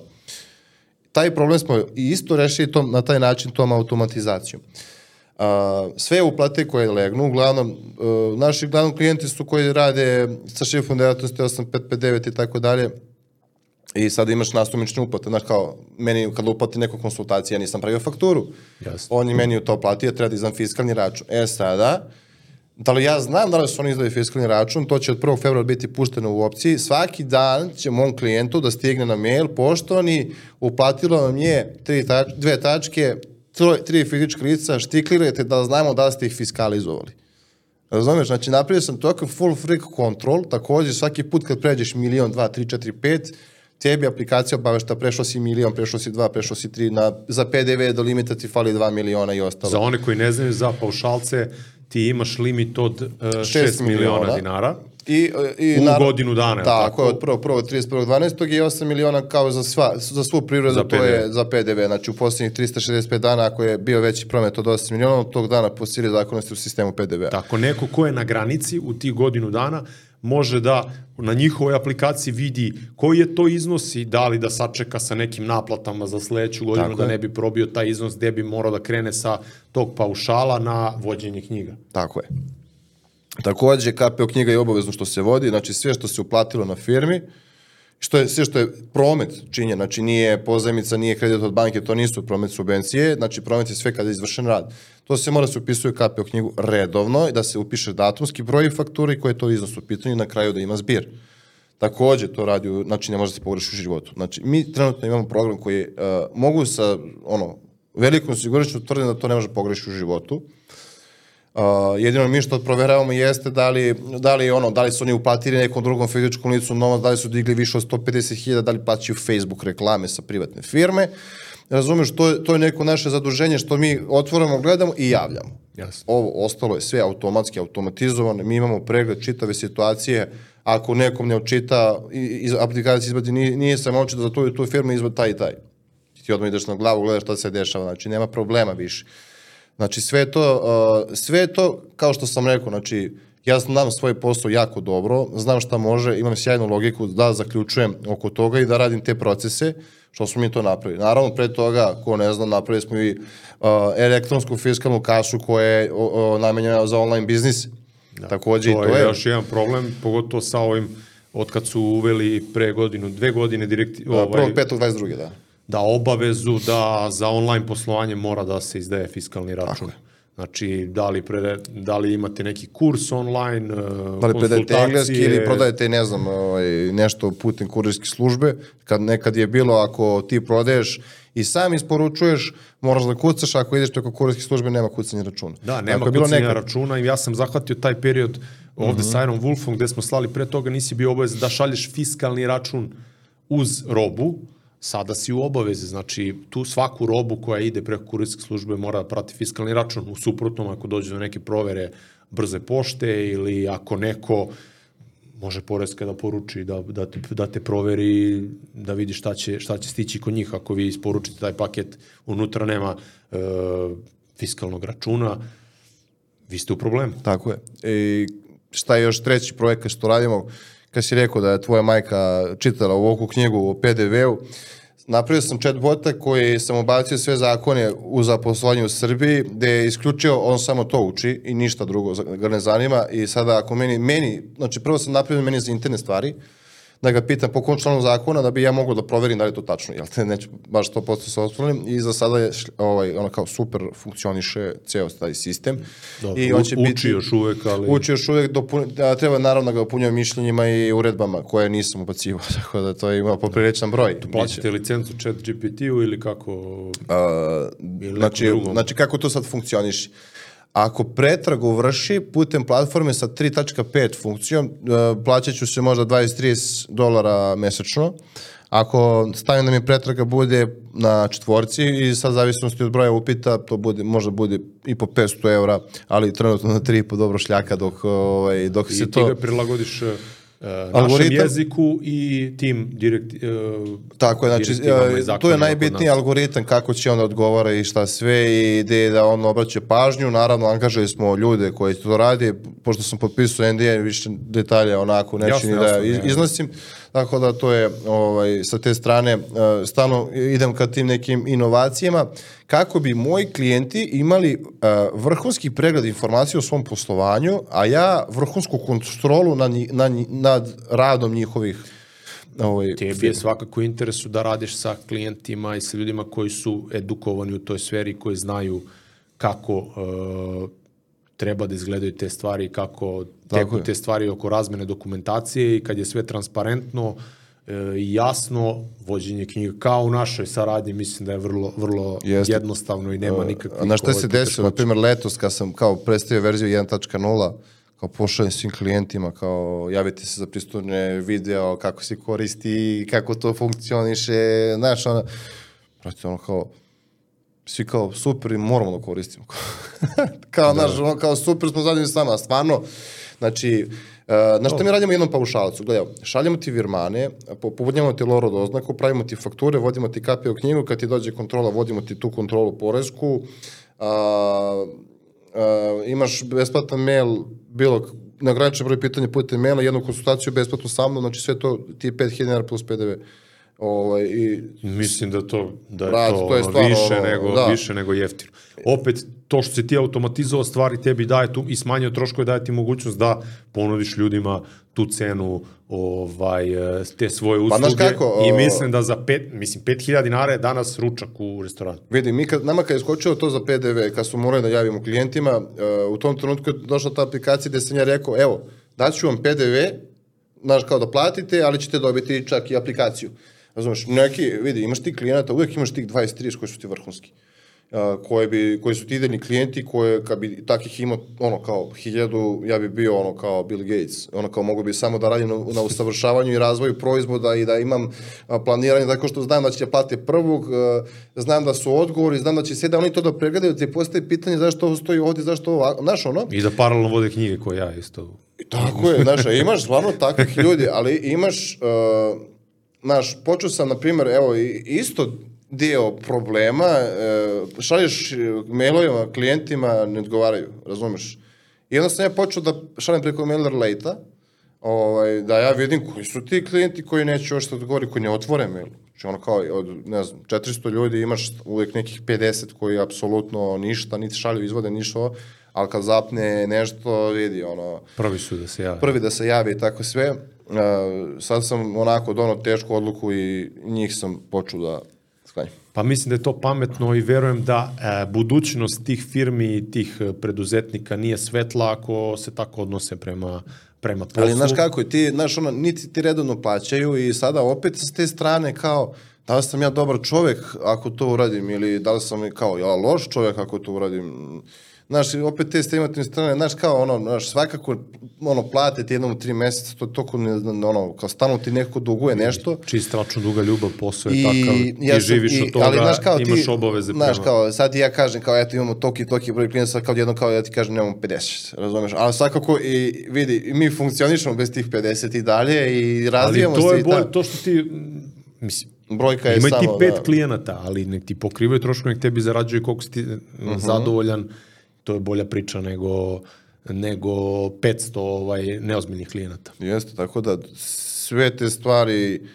uh, i sve što smo doneli odluku unutar naše firme je isključivo bilo na osnovu problema u našoj firmi i organizaciji kako se nešto nije postiglo ili od problema klijenata njihovih zahteva kako bi na, usluga mogla da bude bolja. I onda kao mi kažemo stvarno, kao, wow, kao, kako niko dome nije razmišljao kada da dovedemo, znaš, i zaista smatram da na tržištu povodom za, za tu vrstu usluge s ovom aplikacijom mislim da smo neprikosloveni.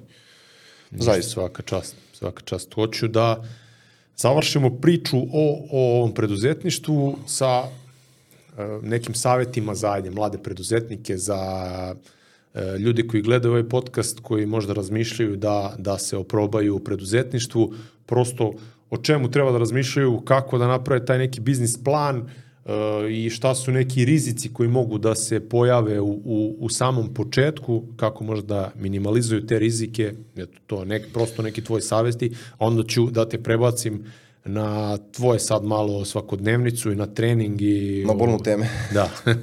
e ovako, uh, uvek kad pričam ljudima, prvo je pitanje čime se bave, koliko zarađuju i koje su njihove ambicije. Prvo pitanje čime se bave, već imaš da raspoređuješ na neke strane.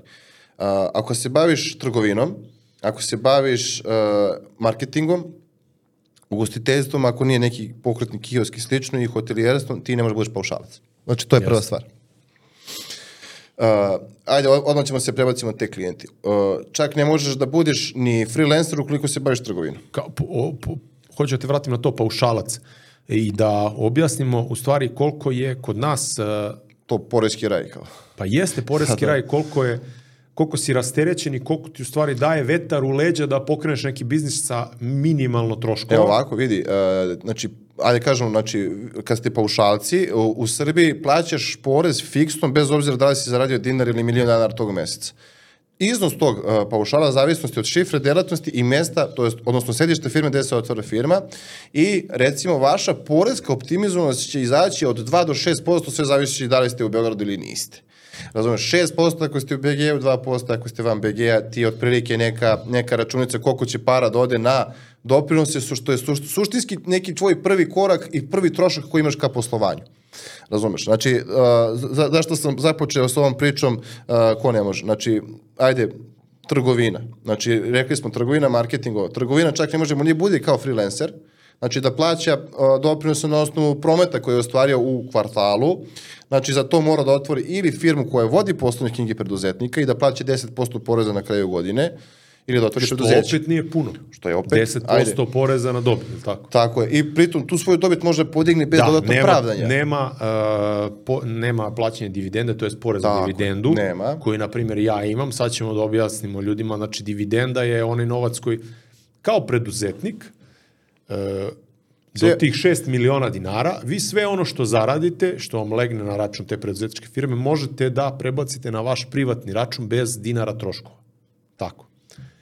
Kada vodite knjige, e, vi ste dužni samo na tu dobit koju ostvarite, znači, a dobit je razlika između Prihoda i ras- rashoda. prihoda i rashoda, e, na tu dobit ste dužni da platite e, 10%. 10% poreza i opet možete taj novac da prebacite na svoj privatni račun. Ili i da digne na bankomatu, da. Ja, koji imam DO firmu, ja, e, DO firma je firma za sebe. To je e, Institucija, posebno za, pravno ja, ja, lice. ja to kažem institucija za I sebe, da. sav taj novac koja, koji ova firma zaradi, I od e, firme. Iron Wolf, koju, hvala Bogu, zaradi, znači prvo platimo 15% porez na dobit, što je opet u odnosu na zapad i na zapadne zemlje jako niska stopa poreza, Jest. poreza na dobit.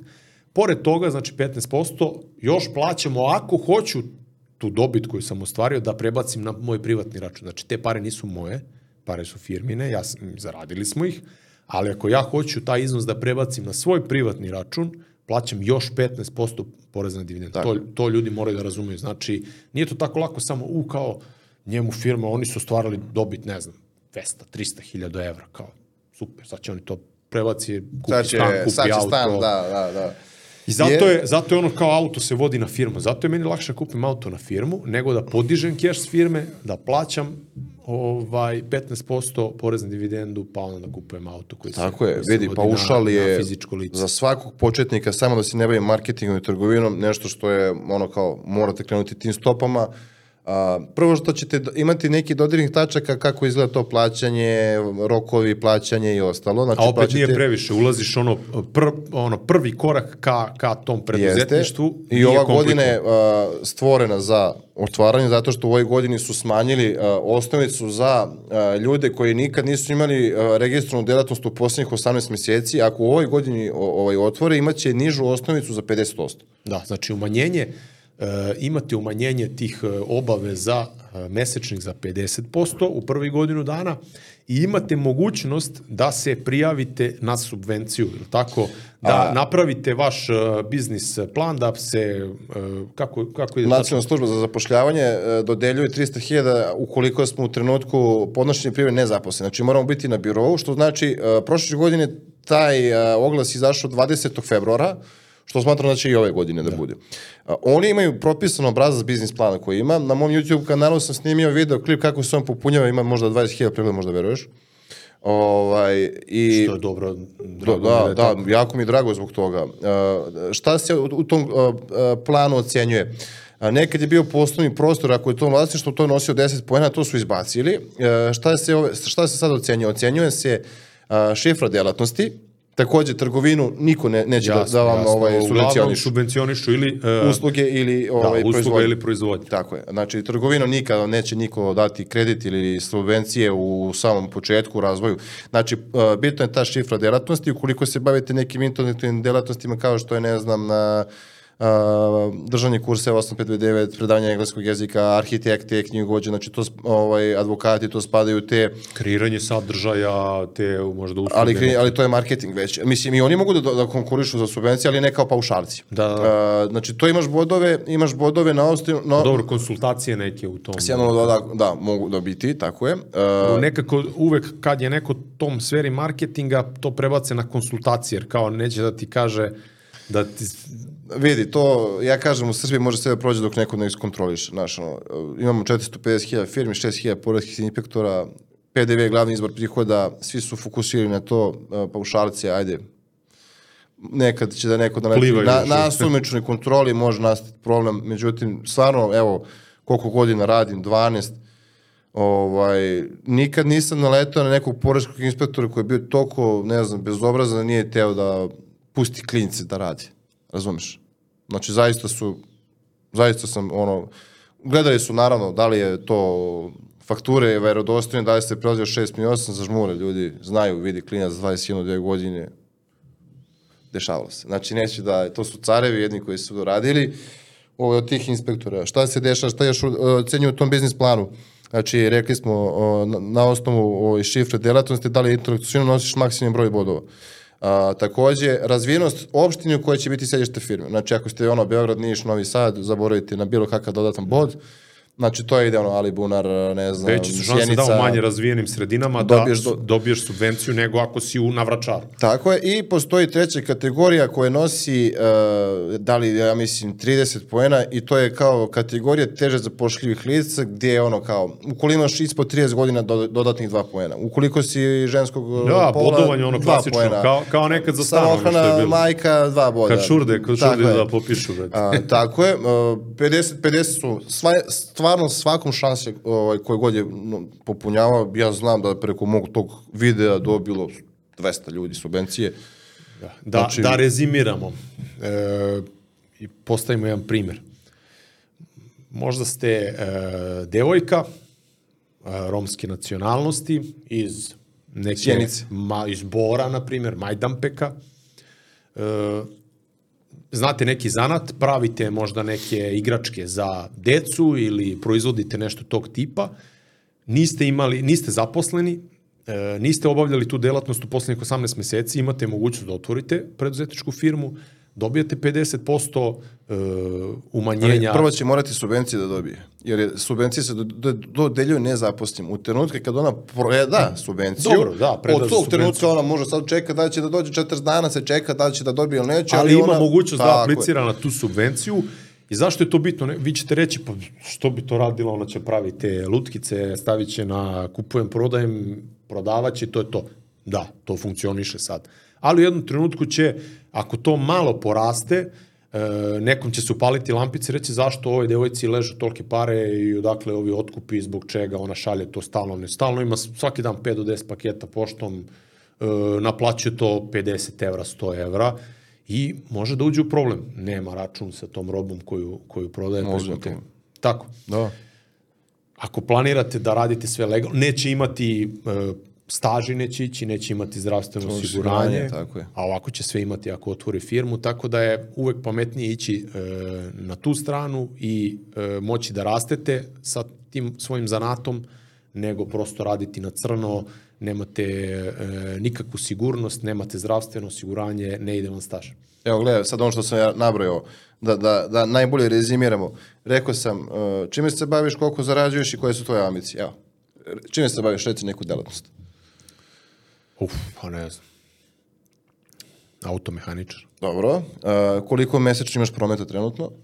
Pa da kažemo 300.000 dinara. I da, li imaš ambicije da širiš posao, da zapošljavaš i ostalo? Imam.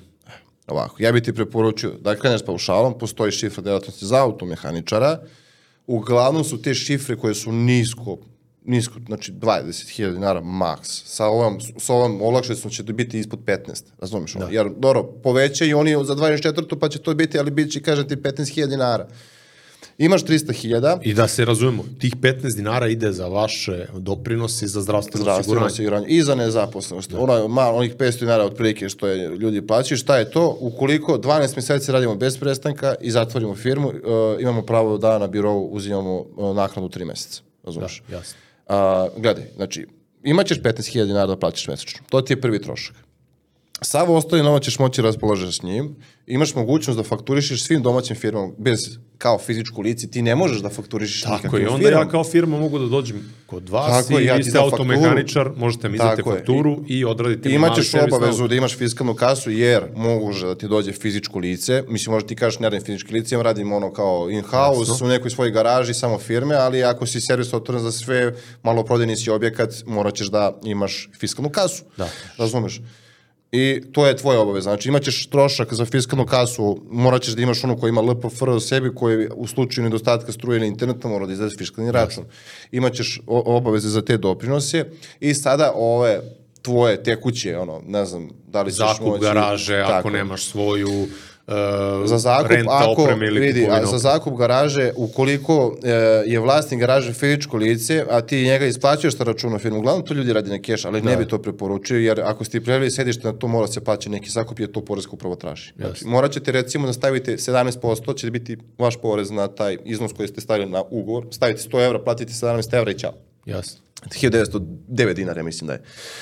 Uh, ono što je jako bitno kada si ti automehaničar jeste da nećeš moći da bi prodaješ ulje i ostalo, ne znam, sve to, stakla za Delove. brisače i delove, uh, znači moći ćeš da ugrađuješ, a da tvoji ljudi kupe, da se ti samo baviš mehanikom, zato što onda ti opet se baviš trgovinom. Jasno. A rekli smo da trgovina ne može da bude su, ovaj, paušalno porezovana. Tako da, uh, Naplaćaš svoj rad svoje ruke. tako je, svoj rad, svoje ruke, kao automehaničar sa 300.000, da imaš ambicije, uh, 300.000, nećeš ući u PD, nećeš probiti paušal, bit će ti sjajno. Ukoliko planiraš da širiš posao i ostalo, uvek ćeš moći da se preregistruješ u preduzeći. Doduše, kad kažu ljudi preregistruješ, nije to ostane ti isti PIB, matičan broj, broj računa. Znači, gledaj, ti gasiš preduzetnika, a otvara se potpuno novo preduzeće kao i regularnim putem što je bilo, samo u dispozivu tog o, otvaranja preduzeća piše da je to prirodno društvo nasledilo sve ugovore i, i prava koje je imala prethodna firma, taj preduzetnik. Jasno, Eto, jasno. sve ostalo ćeš novo ići i ljudi to tako da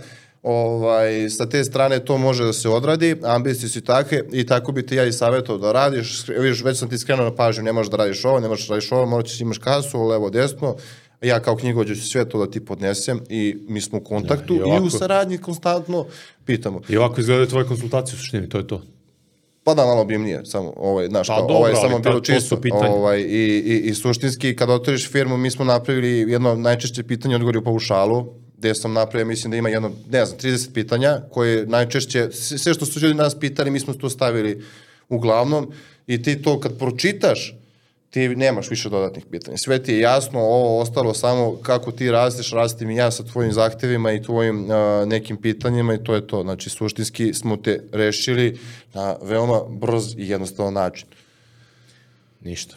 Ono što hoću još da te pitam, pored svega ovoga, e, kako uspevaš, kako izgleda tvoj, ovaj, što bi rekli self-care sad kao moderno, taj, e, da, e, da brineš o svom zdravlju, o svojoj fizičkoj aktivnosti, e, koji si problem imao sa teretanom, pošto ja uvek ovaj, vratim na, na teretanu i na, na trening, Ta, ta se znamo iz tog perioda, da. Inače, sad sam jači od tebe, nekad da, nisam ne, bio. neke sam bio jači od Ace, sad priznajem. Ovaj. ovaj, šta se desilo? Jel treniraš sad? Si se vratio treningu? O, teretani ne, igram tenis, ponekad padel i znaš, kao ne mogu da, nije više da stignem, nekako sam izgubio elana za teretanu. A, Šta ti se desilo? Imao si peh neki tako je, desilo mi se, o, trenirao sam sa Bukasom, Bukas je možda najbolji powerlifter trener koji postoji kod nas u Srbiji i ta saradnja je bila najsavršenija ikad što sam ikada imao u tom periodu, u, tu, kad sam trenirao. A, trenirao sam svaki dan, tipa 7-8 godina za redom, a, PR na benchu mi bio 170 sa 1,93 m, znaš, nama visokima to baš i ne paše, taj bench press, ili ti to mrtvo ili čučnjivi gde se ono Jasno. prevage su nam ovaj, ogromne. Uh, gde, gde sam ja tu kilažu dizao sa 103 kg ovaj, u tom trenutku, što je zaista bio zapanjujući rezultat za mene kao, ovaj, jer to mi je kao neki cilj bio. Jednog dana radio sam, vežbao sam kor, radio sam 140 trojke kontrolisano, kako bi kor ovaj, radio, jer mi je jako bio laš i to smo radili sa Bukasom i prva serija u redu, uradim trojke, druga serija trojke. I svo vreme stoji, znaš, ono kao, uvijek sam trenirao sami kao, izvini, može mi staneš. Da, da, da, budeš tu. Dolazi, mislim, dečko, naravno, znaš, ono kao vidiš se svaki dan s nekim od teretana Ilija, ovaj, i on je stao i prvu i drugu i došao treću i ja kako sam izbacio, lopatica mi priklišti neki nerv i otkaže mi cijela leva ruka i bench mi padne na, na, na vrat. Da, evo, ubacit ćemo snimak, Ubacit vidite ćemo snimak, snimak. kako je to izgledalo. Znači- I onda, eto, promene se stvari neke od, od uh, sjajno se osjećaš, treniraš u treningu si i eto, u Evo, jednom si sve, treningu, u evo. jednoj seriji se promeni to da uđeš u totalno Evo gledaj šta se sve uh, izde, iz- zdravstveno izdešavalo. O, ja nakon toga ustajem u šoku, a, a Bukas je u tom trenutku držao školu Rad Zmaja. Bukvalno, ja kao odem do Bukasa i kao, brate, pao mi je tegno vrat. Ti si dobro, kao, znaš.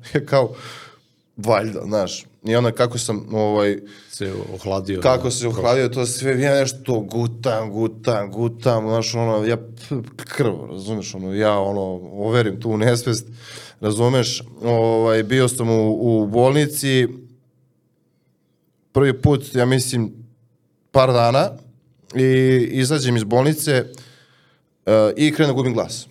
I krenem da gubim glas, pr, malo promuklo pričam, pa malo ovaj, dalje, pa dalje, pa znaš ono, i jedan dan Aca i ja idemo u Žarmance na doručak i taj dan sam baš pričao ono, kao Freddy Krueger, bukvalno, znaš, I doručko je mi, ja uzim u kola, bilo je leto, auto je bilo sto vremena na suncu, kako sam seo u auto i zalupio vrata od one vrućine, uh, meni šta se dešavalo, meni od te sukrvice i sve to, sve mi se glasne žice bile zapušile. Da.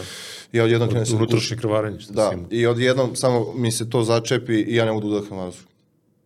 Znači, krenom plavim čoveč. Ja sva sreća odvezem se u tamo gde je institut za majku i dete ima onaj Beomedik ili Medic Group, ne znam. Tu sam uleteo, znam da sam tu ostavio auto na onom platovu, na stepenicama, uleteo, razumeš, i ono kao, gužeš, i tu sam pao u znači sva sreća stigao sam na vreme, da se ščupam iz svega toga, znači, mogu sam na semaforu da, da zveknem i sva sreća, ovaj, ušao sam na vreme i kako se zove, nakon toga se budim, ono, injekcije, bolovi, ne znam, to sve očišćeno, prečišćeno, levo, desno i sve tu super i kao ne smeš aktivnosti, ne smeš naprezanje, zato što sam sve te mišiće i nervne završetke, ono, bukvalno se raskidali, jer ja sam to shvatio kao, ma nije se ništa desilo. I, I, ozbiljno.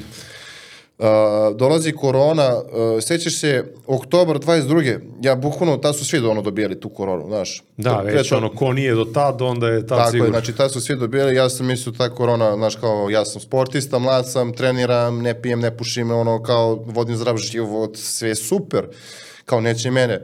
Uh, Vanja moja dobije koronu, tipa četvrtak, mi ono, naravno svaki dan To je zajedno. već period kad nisi trenirao zbog toga, tako? Tako Bio je, si onda znači- pad imuniteta, Jest, e, drugi šta problemi. se desi to? Uh, Vanja dobije, ja u subotu ujutru se budim, ja progutam, vidim grlo.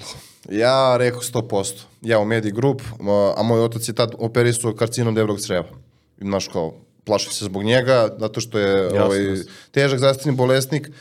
Uh, odlazim, testiram se pozitivno, znaš. Rekao, dobro, odem ja u domu zdravlja u Surčinu, se prijavim da imam koronu, tako su mi rekli treba da uradim, da mi oni opet urade, ja u domu zdravlja, brate, 300 ljudi, znaš ono, a, svo vreme ne verujem tome, znaš, kao ne verujem da je toliko ljudi bolesno, ne verujem, znaš, onako, totalno sam bio, znaš, kao, niko u mojoj blizini nije, znaš, ljudi padaju tamo u čekaonici, čekao sam možda 3-4 sata da dođe na red, snimio pluća, sve okej, ona kaže, e, pit vitamine neke, vidim, jak si momak, sve super, ono, ja kažem, dobro, super. Još ja ponesem kameru, a, mikrofon, rekao, otišli smo Vanja i ja na vikendicu, pošto se priključio nje, pošto ja, ja imam koronu, rekao, sad ću snimam neke edukacije za zaposlene, za ovo, za ono. Došao uveče, meni se krenuo seo belo, belo, belo, znaš, ono, šta mi je, znaš, ne, ne mogu da provalim. Ja temperaturu 40, razumeš ono. A Vanja ne možeš pomeri. Kapiraš ono leđa, katastrofa i sve vozi u bolnicu u Zemlunsku. Ulećem ja u Zemlunsku, ono, znaš ono, pošću nesve, sve mi mozak, onako sjeva, sjeva, sjeva. Dolazim, vrati, 500 ljudi opet. Znaš, tebi nije dobro imaš 40, znaš kao nikad nisi imao 40, znaš kakav je osjećaj, gadan. Znaš. Pa ne, to je kad krene onaj pad imuniteta i malo i strah i e, sve to kad se sklopi, znaš, ti kreneš da do, dođe do te situacije da bude ozbiljno. I oni, kad sam ja došao na red, oni mi izbiju temperaturu koja imaš 37. Dobro. Znaš, ono, dođem ja, ono, ujutru ustanem i sad kako ležim, čačkam telefon iz ležećeg položaja i trne mi ruka, brate, znaš, ono. Trono mi ruke, nešto, znaš, rekao, nemam pojma šta je. U tom trenutku pojma nemam šta je D-dimer, izgrušavanje krvi, apsolutno, znači, bukvalno dignem nogu, kunem ti se, ono mi utrne. Znaš, i ja, ono, ne znam, gornje granice, ne znam, tog D-dimera, ne znam, da je bila 50 ili, ne znam, 100, ja sam imao 1000. Da. Znači, krv je bila žele, znaš, ono, i jako je bilo opasno, pogotovo sve tisto vratom. I onda sam uzimao onaj flaksiparin, bo sam se u stomak, kod pupka, ja mislim jedno, dva meseca, dok ja to nisam spustio na neku, ono, Normalno. najveću granicu. I opet me to i dan danas prati čim malo, ovaj, ono kao ne iskontrolaš, na, sad, na, vadim na tri meseca i opet mi skače taj dimer ludilo i stalno mora se bodem sa tim flaksiparinom, ne znam šta je više, ono i kao, i niko ne zna da mi kaže uzrok toga i eto, Dobro, to si su- se malo vratio sad da treningu i kažeš ideš na padel. Uh, idem na padel i tenis, uh, kažem ti, do, dosta je prošlo vremena, kao godinu dana nisam ušao u džim. I onda kao uvek se sjetim te scene pada, tega, mislim, u, ulazio Navukao sam... si strah, brate, nema, sad je... Pa i nije, nije strah, već, uh, znaš kako, i firme u tom trenutku, ono, porasli, prioriteti su se promenili u nekom tom trenutku i kao našao sam ženu, kao, kao ne mora više se bildam. Da. I, ovaj, Uspeo si, brate. Tako je. I to je sve tako došlo i kako se zove, počeo sam da igram tenis s mojim prijateljem Nikolom, ja na pada sa, sa ekipom iz firme i ovaj, to je sad nešto što je onako, cilj mi je da se, da, da uđem u kondiciju, hoću da ubacim plivanje i da imam tako te neke, te neke stvari, a da se vraćam džimu kao nekada sa onim intenzitetom, nikada. Neću ni moći da imam onakav intenzitet treninga i ako se budem vratio, to će biti nešto onako light. Ajde kažemo, uh, mislim da skinem stomak, baš se ugojio. Uh, ugojio sam se, Bitno je, da, zbog... 40 kila sam se bio ugojio za godinu dana. Neverovatno. Znači, da, od to povlači posle druge probleme. Mislim da je bitno uh, da, da se vratiš u ritam, jer ako sad tu ono, Jest. ne, ne vratiš Teško se... je psihički da prihvatiš to. Uh, jer, znaš, kao gledam sebe svaki dan u ogledalo, kao ja sam sebi isti kao iz onog perioda. Znaš, i ono kao dođe neko, o, što Da. je ovo, kao, znaš, kao šta, kao, znaš. I onda kad kao skapiram, ne mogu pola stvari da nosim, znaš, ono, kao, no, no, znaš, ono, nosim, ono, evo, kao, stvari kao 3XL-a, brate. Mislim, ono, ajde, visok sam, imam blizu 2 metra, ali opet, uh, nisam ja, pri, ja prvi sad nisam prihvatio sebe u ovakvom stanju, Zadovoljan sam što se tiče ličnog razvoja na pitanju psihike, razumevanje ljudi i tako dalje, tih nekih stvari sam jako zadovoljan, ali sam se psihički, ovaj, fizički jako zapostavio. Uh, svestan sam toga, svestan sam u po posledici rizika, sve to ono, ono kao, krv, kad izvedim, krvna stvarna katastrofa, ono, kao. Ništa, želim ti, brate, da, da se postepeno ovaj, još više aktiviraš i da sad malo... To su u ciljevima za 24. Znači, da, da, da ono, povedeš račune o sebi, jer m, uzima danak taj preduzetnički život. vidi, sad sam I tebi ovo sve što se dešavalo je u periodu kad si i pokreto firmu i razrađivo i taj, tako da treba uh, se voditi i nositi sa, sa svim tim problemima u tom trenutku i razmišljati o poslu, razmišljati o, o svom zdravlju i to je ono što zna neke ljude da, da ovaj, što bi rekli, dokusuri. Da, sad sam na 122 i cilj mi je da a, 31.12.24. imam 110. Ništa, zvaćemo te opet, Da, pa ćemo da da vidimo se gde si, merimo. šta si. Spremio sam ti jedan poklon za tebe, za suprugu, o, jedan Jimster Dux. Ovaj, Jer nadam se da je za... najveći broj, pa brate, najveći broj. Evo, spakovao sam ti ovde. Aj, hvala puno. Snimamo da sam ja predao ovde, me ne prozivaju ljudi da, da nema poklon za goste. Da. Tako da, e, nije 3XL, ali 2XL, ali bit će ti taman. Tako. Ako meni odgovara, odgovarat će tebi. Sad kad se pojavim na tenisu u ovome, vidi. Sad, sad, sad preuzimamo i tenisku industriju, razumeš, sa ovim duksom. Pa, tako. Je, brate. Ovdje je kvalitečinu, brate. Stvarno je, stvarno je nevjerovatno. Hvala, cuva. Šta, brate, hvala Vidi, tebi. Na tenisu se slikam odmah. Da. E, za kraj, hoću te pitam, ili imaš neku poruku za e, buduće mlade preduzetnike, spustimo ovo ovde, ili za trenutne preduzetnike, šta ti kažeš, šta, gde si ti grešio i mm, gde oni da ne A pogreše. to je, te greške su Ili zdrave, moraju- moraju znaš, da pogreše. e, Greške su, moraju, znači vidi, mo- mogu ja do sutra da tebi da pričam ili ti meni, dok ja to ne živim na samoj svojoj koži, nema ništa od toga.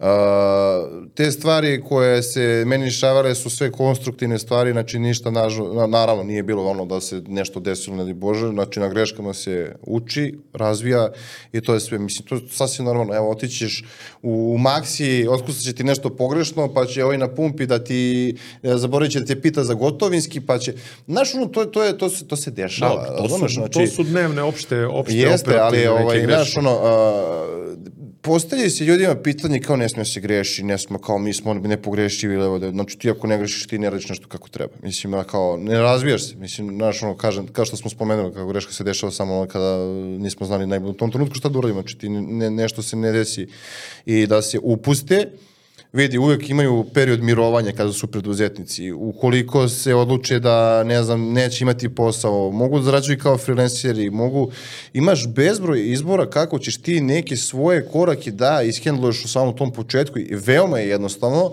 samo eto treba da da kaže sebi i nikom drugom ja krećem.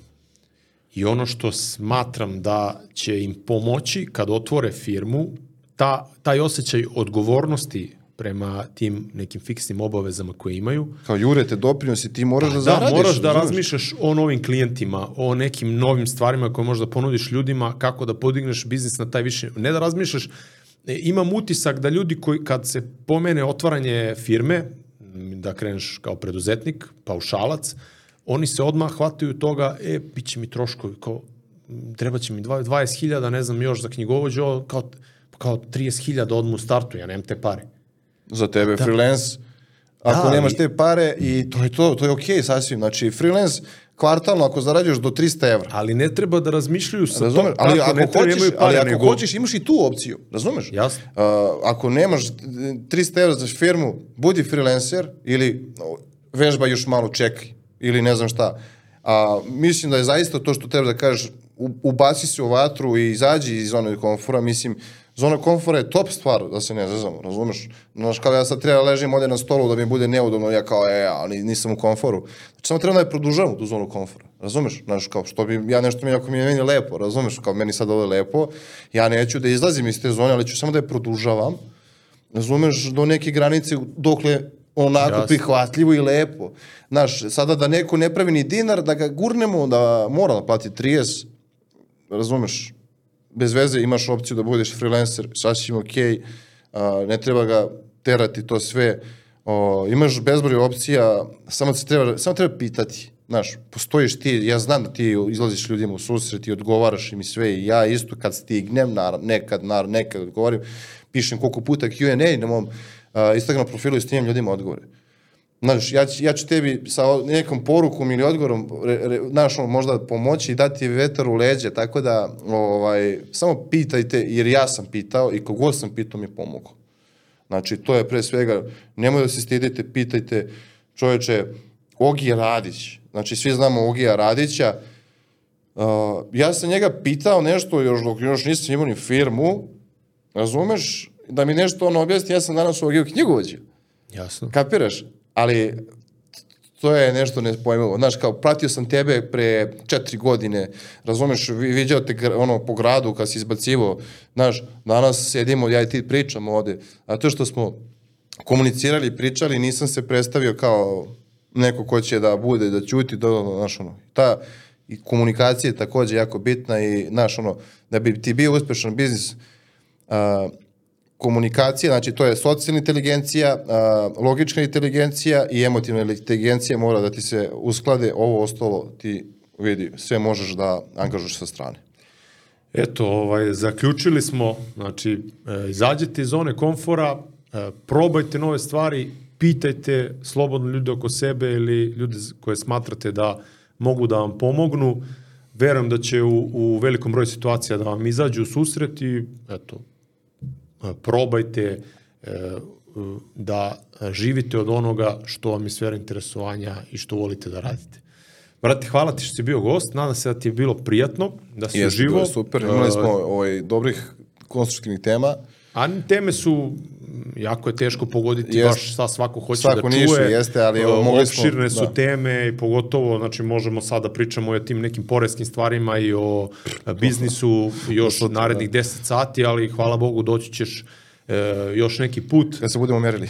Tako je, da, namerenje ćeš da dođeš ovde i onda ćemo pričati dalje i naravno kad se desi još nešto novo u tvojoj firmi i kad podigneš e, svoje poslovanje na još viši nivo. Eto, hvala ti još jednom, želim ti sve najbolje, e, kako poslovno, tako i privatno. Hvala, Cova, takođe. Eti. Da. Pozdravljamo vas ljudi, hvala što ste odgledali podcast do kraja. E, Zapratite Dušana na njegovom Instagram profilu, imate dole sve u opisu. Mene ne morate da pratite, e, otvorit ćemo novi kanal za ovaj podcast, 313 podcast, pa ću i to staviti u opisu i tu ćemo krenuti sa malo kratkom formom dok ne prikupimo dovoljan broj subscribera, onda ćemo prebaciti objavljivanje ovih podcasta na taj kanal. Vidimo se, ostajte mi dobro i sve najbolje. Ćao!